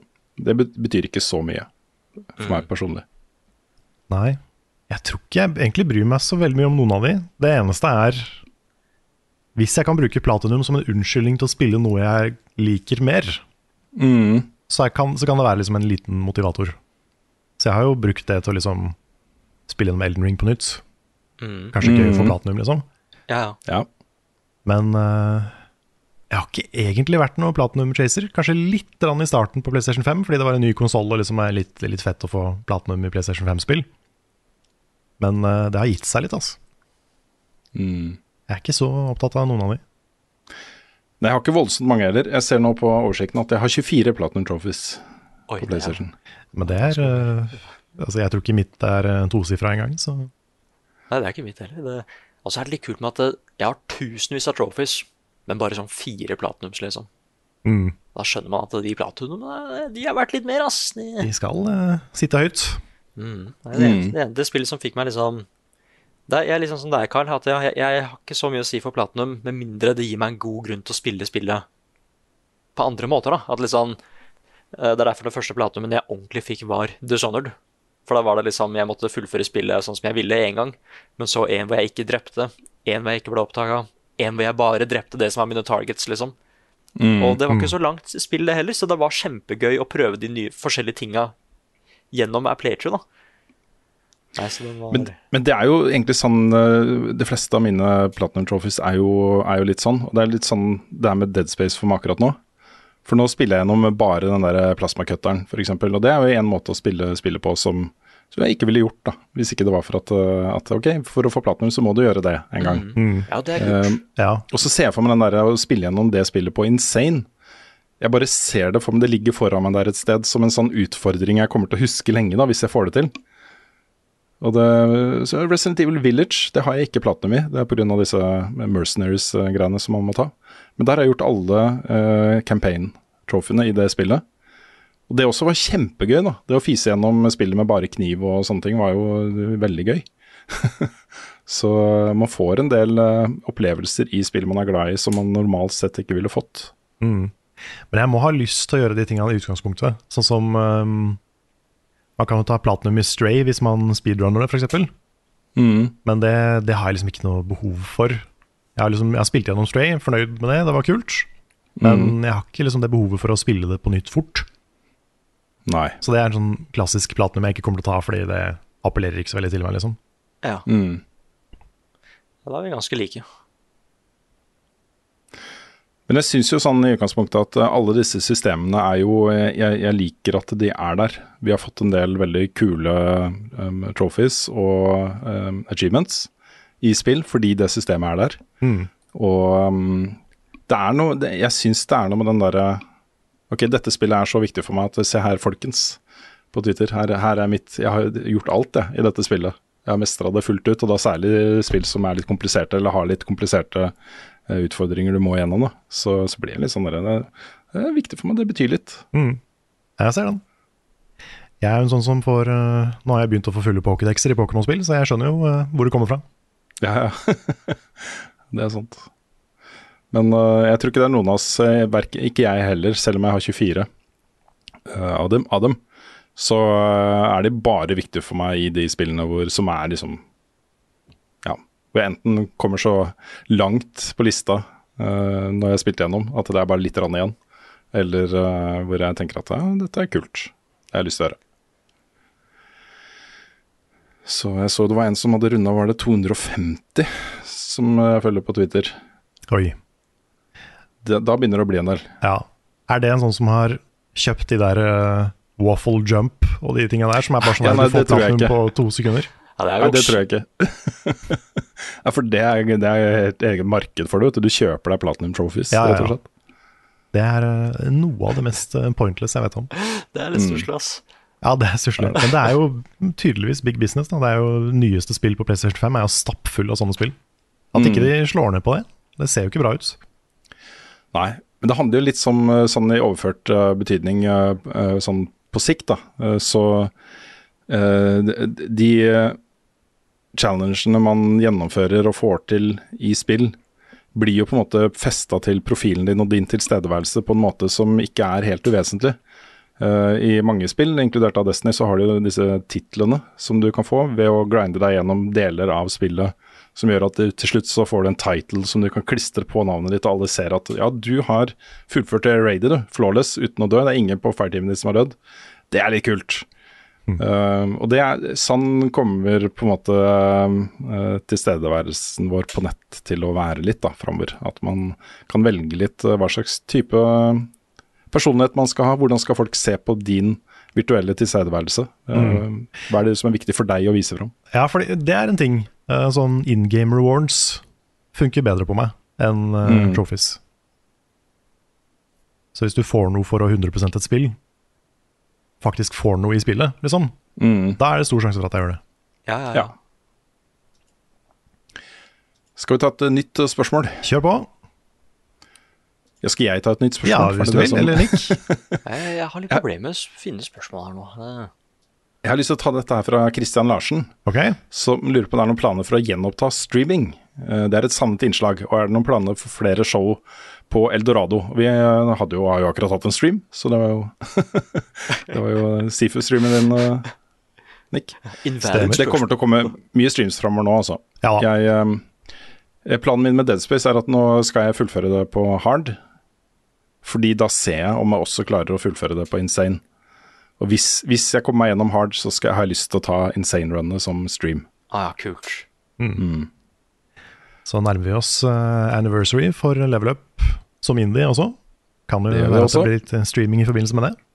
Ja, det er jo 15. februar. 15. februar, så er det ikke lenge til. Ikke lenge til. Men uh, nei, jeg også har lyst til å streame mer. Det, mm, det er så vanskelig å prioritere det når man har mye å klippe og sånn.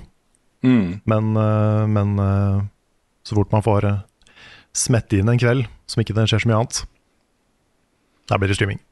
Ja, det blir litt- lettere for meg å streame nå snart også, for nå får jeg opp eh, sånne vifter på kontoret her, som suger inn kaldluft og ut varmluft.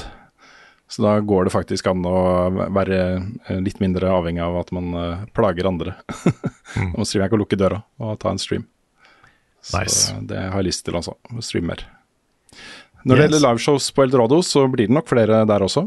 Jeg har eh, så vidt snakka litt med Helge om at vi skal begynne å planlegge litt. Um, vi har ikke lagt noen konkrete planer ennå, men jeg tenker at det i hvert fall vi bør, Det bør være litt større ting, da. Vi har hatt det mye mer gøy med de showene hvor det har vært, kommet litt folk, og hvor det har eh, vært et, eh, en god grunn til å ha et liveshow, Mm. enn å bare Nei, nå har vi lyst til å stå på en scene. Jeg håper det kommer folk. Ja. ja, vi hadde jo en periode hvor det var ofte liveshows, og det funka litt dårlig Mhm. for oss, fordi vi hadde liksom ikke tid og overskudd til å planlegge mange bra shows. Nei, det er vanskelig. Det er vanskelig. Så um, litt sjeldnere, men større og bedre. Det er uh, the way to go. Ja, de siste to vi hadde var jo tiårsjubileet til eh, Level Up, og så hadde vi jo 25-årsjubileet mitt, var jo også et show. Mm, det var kjempegøy. Ja, det var ordentlig morsomt. Så hvis man først har en god grunn til å ha et eh, liveshow, så er det veldig gøy å gjøre det på en scene også. Det er sant. Med litt uh, preprodusert eh, content og litt sånne ting også. Mm. Da blir det gøy.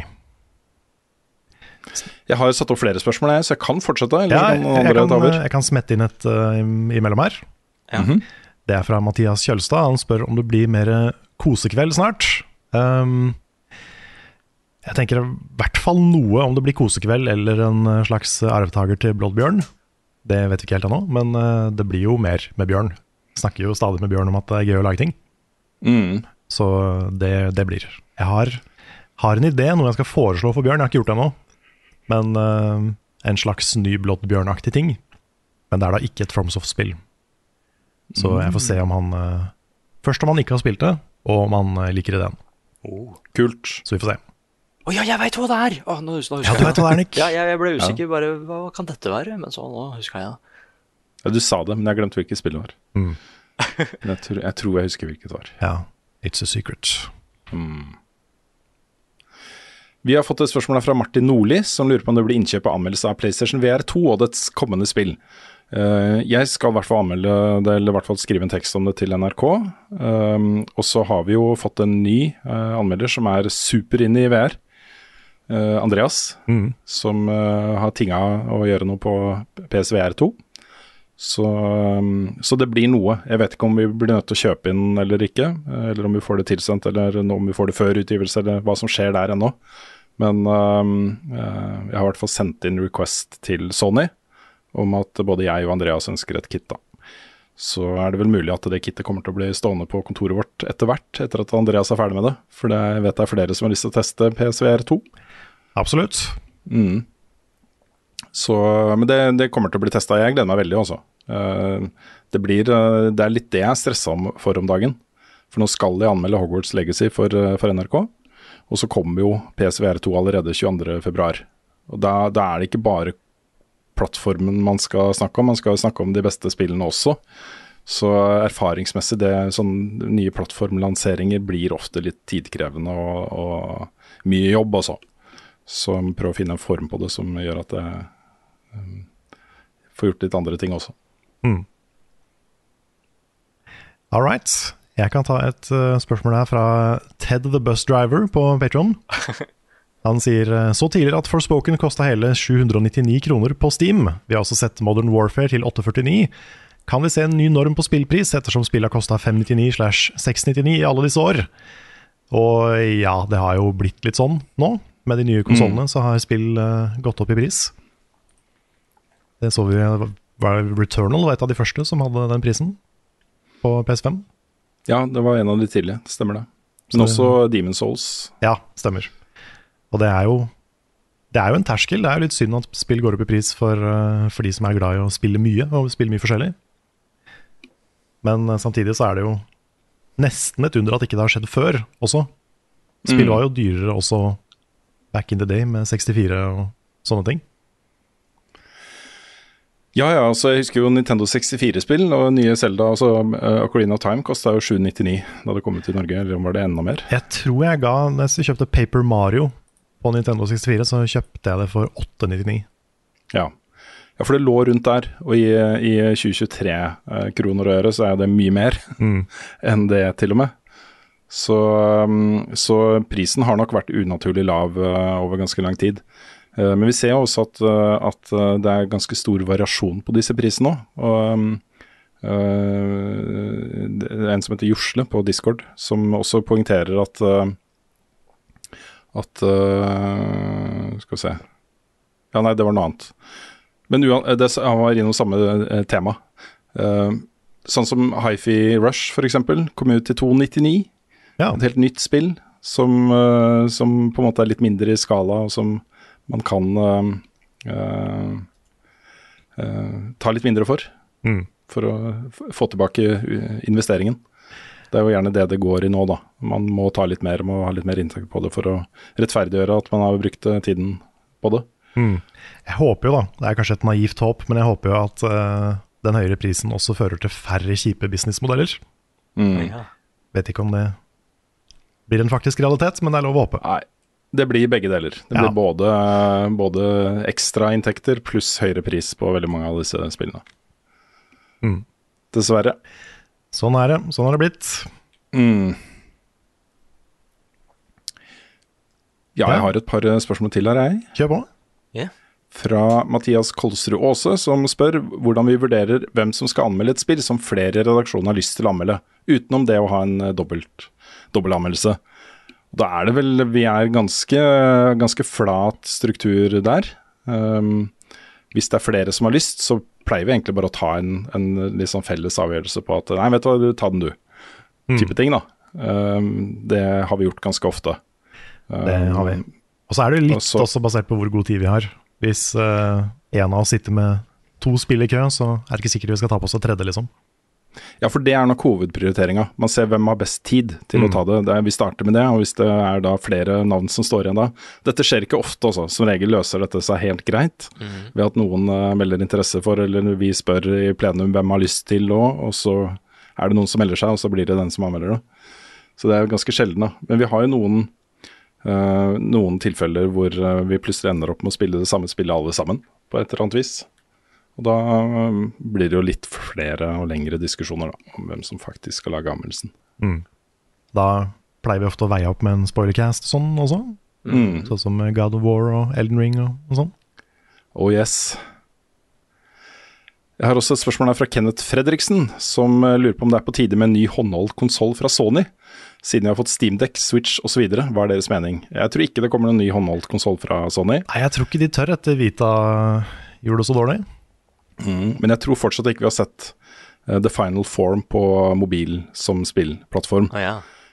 Så um, vi, vi kan jo allerede i dag koble til en uh, DualSense til uh, iPhone og Android.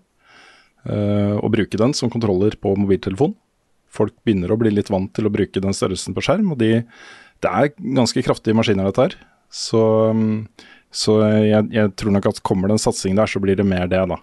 Uh, der har det også kommet sånne skall du kan plassere telefonen i med da en uh, faktisk spillhåndkontroller som Altså det blir en Switch, da, eller en, eh, en Steamdekk. Mm. Så, så skal de gjøre noe der, så blir det mer eh, som en plattform på mobil, tenker jeg da. Yes. Skal vi la det være siste spørsmål for denne gang? Det kan vi gjøre. Ja, det er greit. Dette er en beefy podcast nå, ass. Dette er en beefy Jeg håper jeg har nok video å plassere. Ja, det tror jeg har. For jeg har både Season og eh, dette er, uh, vakre spillet som uh, var for deg, uh, Carl. Hva da? Eh, Space, A Space for the Unbound. Oh, ja, ja, ja, ja, det, Dead Space, bare. ja, det var også veldig Dead vakre Space. ja. Ja, Ja, det, jeg glemte å si en ting om Dead Space. Ok. Uh, fordi jeg valgte jo å spille det faktisk på easy. Uh, for jeg syns det var så skummelt. og det, og det, er en, det er en god, et godt tips til andre som syns Dead Space er litt for skummelt. Bare sett ned vanskelighetsgraden litt, sånn at de monstrene blir litt mindre farlige. Så var det akkurat uh, innafor at det ble et morsomt actionspill som var litt skummelt innimellom, for min del. Ha. Bra tips. Mm. Så, har, så du har valgt å spille på de vanskeligste etterpå? Ja, nå blir, det jo, eh, blir det jo det, da. Jeg skal jo spille på hard eh, neste runde, og så insane da etter det. Riktig. Skjønner. Men ja, dette har vært en podkast. Podkasten Level Backup, utgitt av moderne media. Låten i introen og outroen er eh, skrevet av Ole Sonny Larsen og eh, framført og arrangert av Kyosho Orchestra. Oh yes. Vignettene er laget av fantastiske Martin Erfjord, Fornavnet Oh, hans er yeah. faktisk fantastiske Martin Erfjord Mm. Ja, ja, Ja, han skifta navn uh, lovlig i, i fjor, faktisk. Ja, han, er han gjorde ikke det. Men for oss så vil han være fantastiske Martin Erfjord Ja, Å, ja. ja. Eh, Du finner innholdet vårt på youtube.com slash levelupnord. Der finner du basically alt vi gjør. Om det er podcaster, om det er uh, anmeldelser, om det er reportasjer. Dueller. Mye forskjellig. Mm. Kommer også Klassikerinnslag. Klassikerinnslag. Vi jobber jo med topplister for 2022.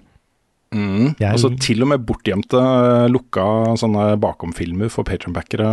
eh, Ikke minst. Sånn Patron Q&As og, og sånt. Ligger faktisk på YouTube. Gjør det? Et, sted godt gjemt. Vi driver også og planlegger flere verst til best-episoder nå som jeg er tilbake.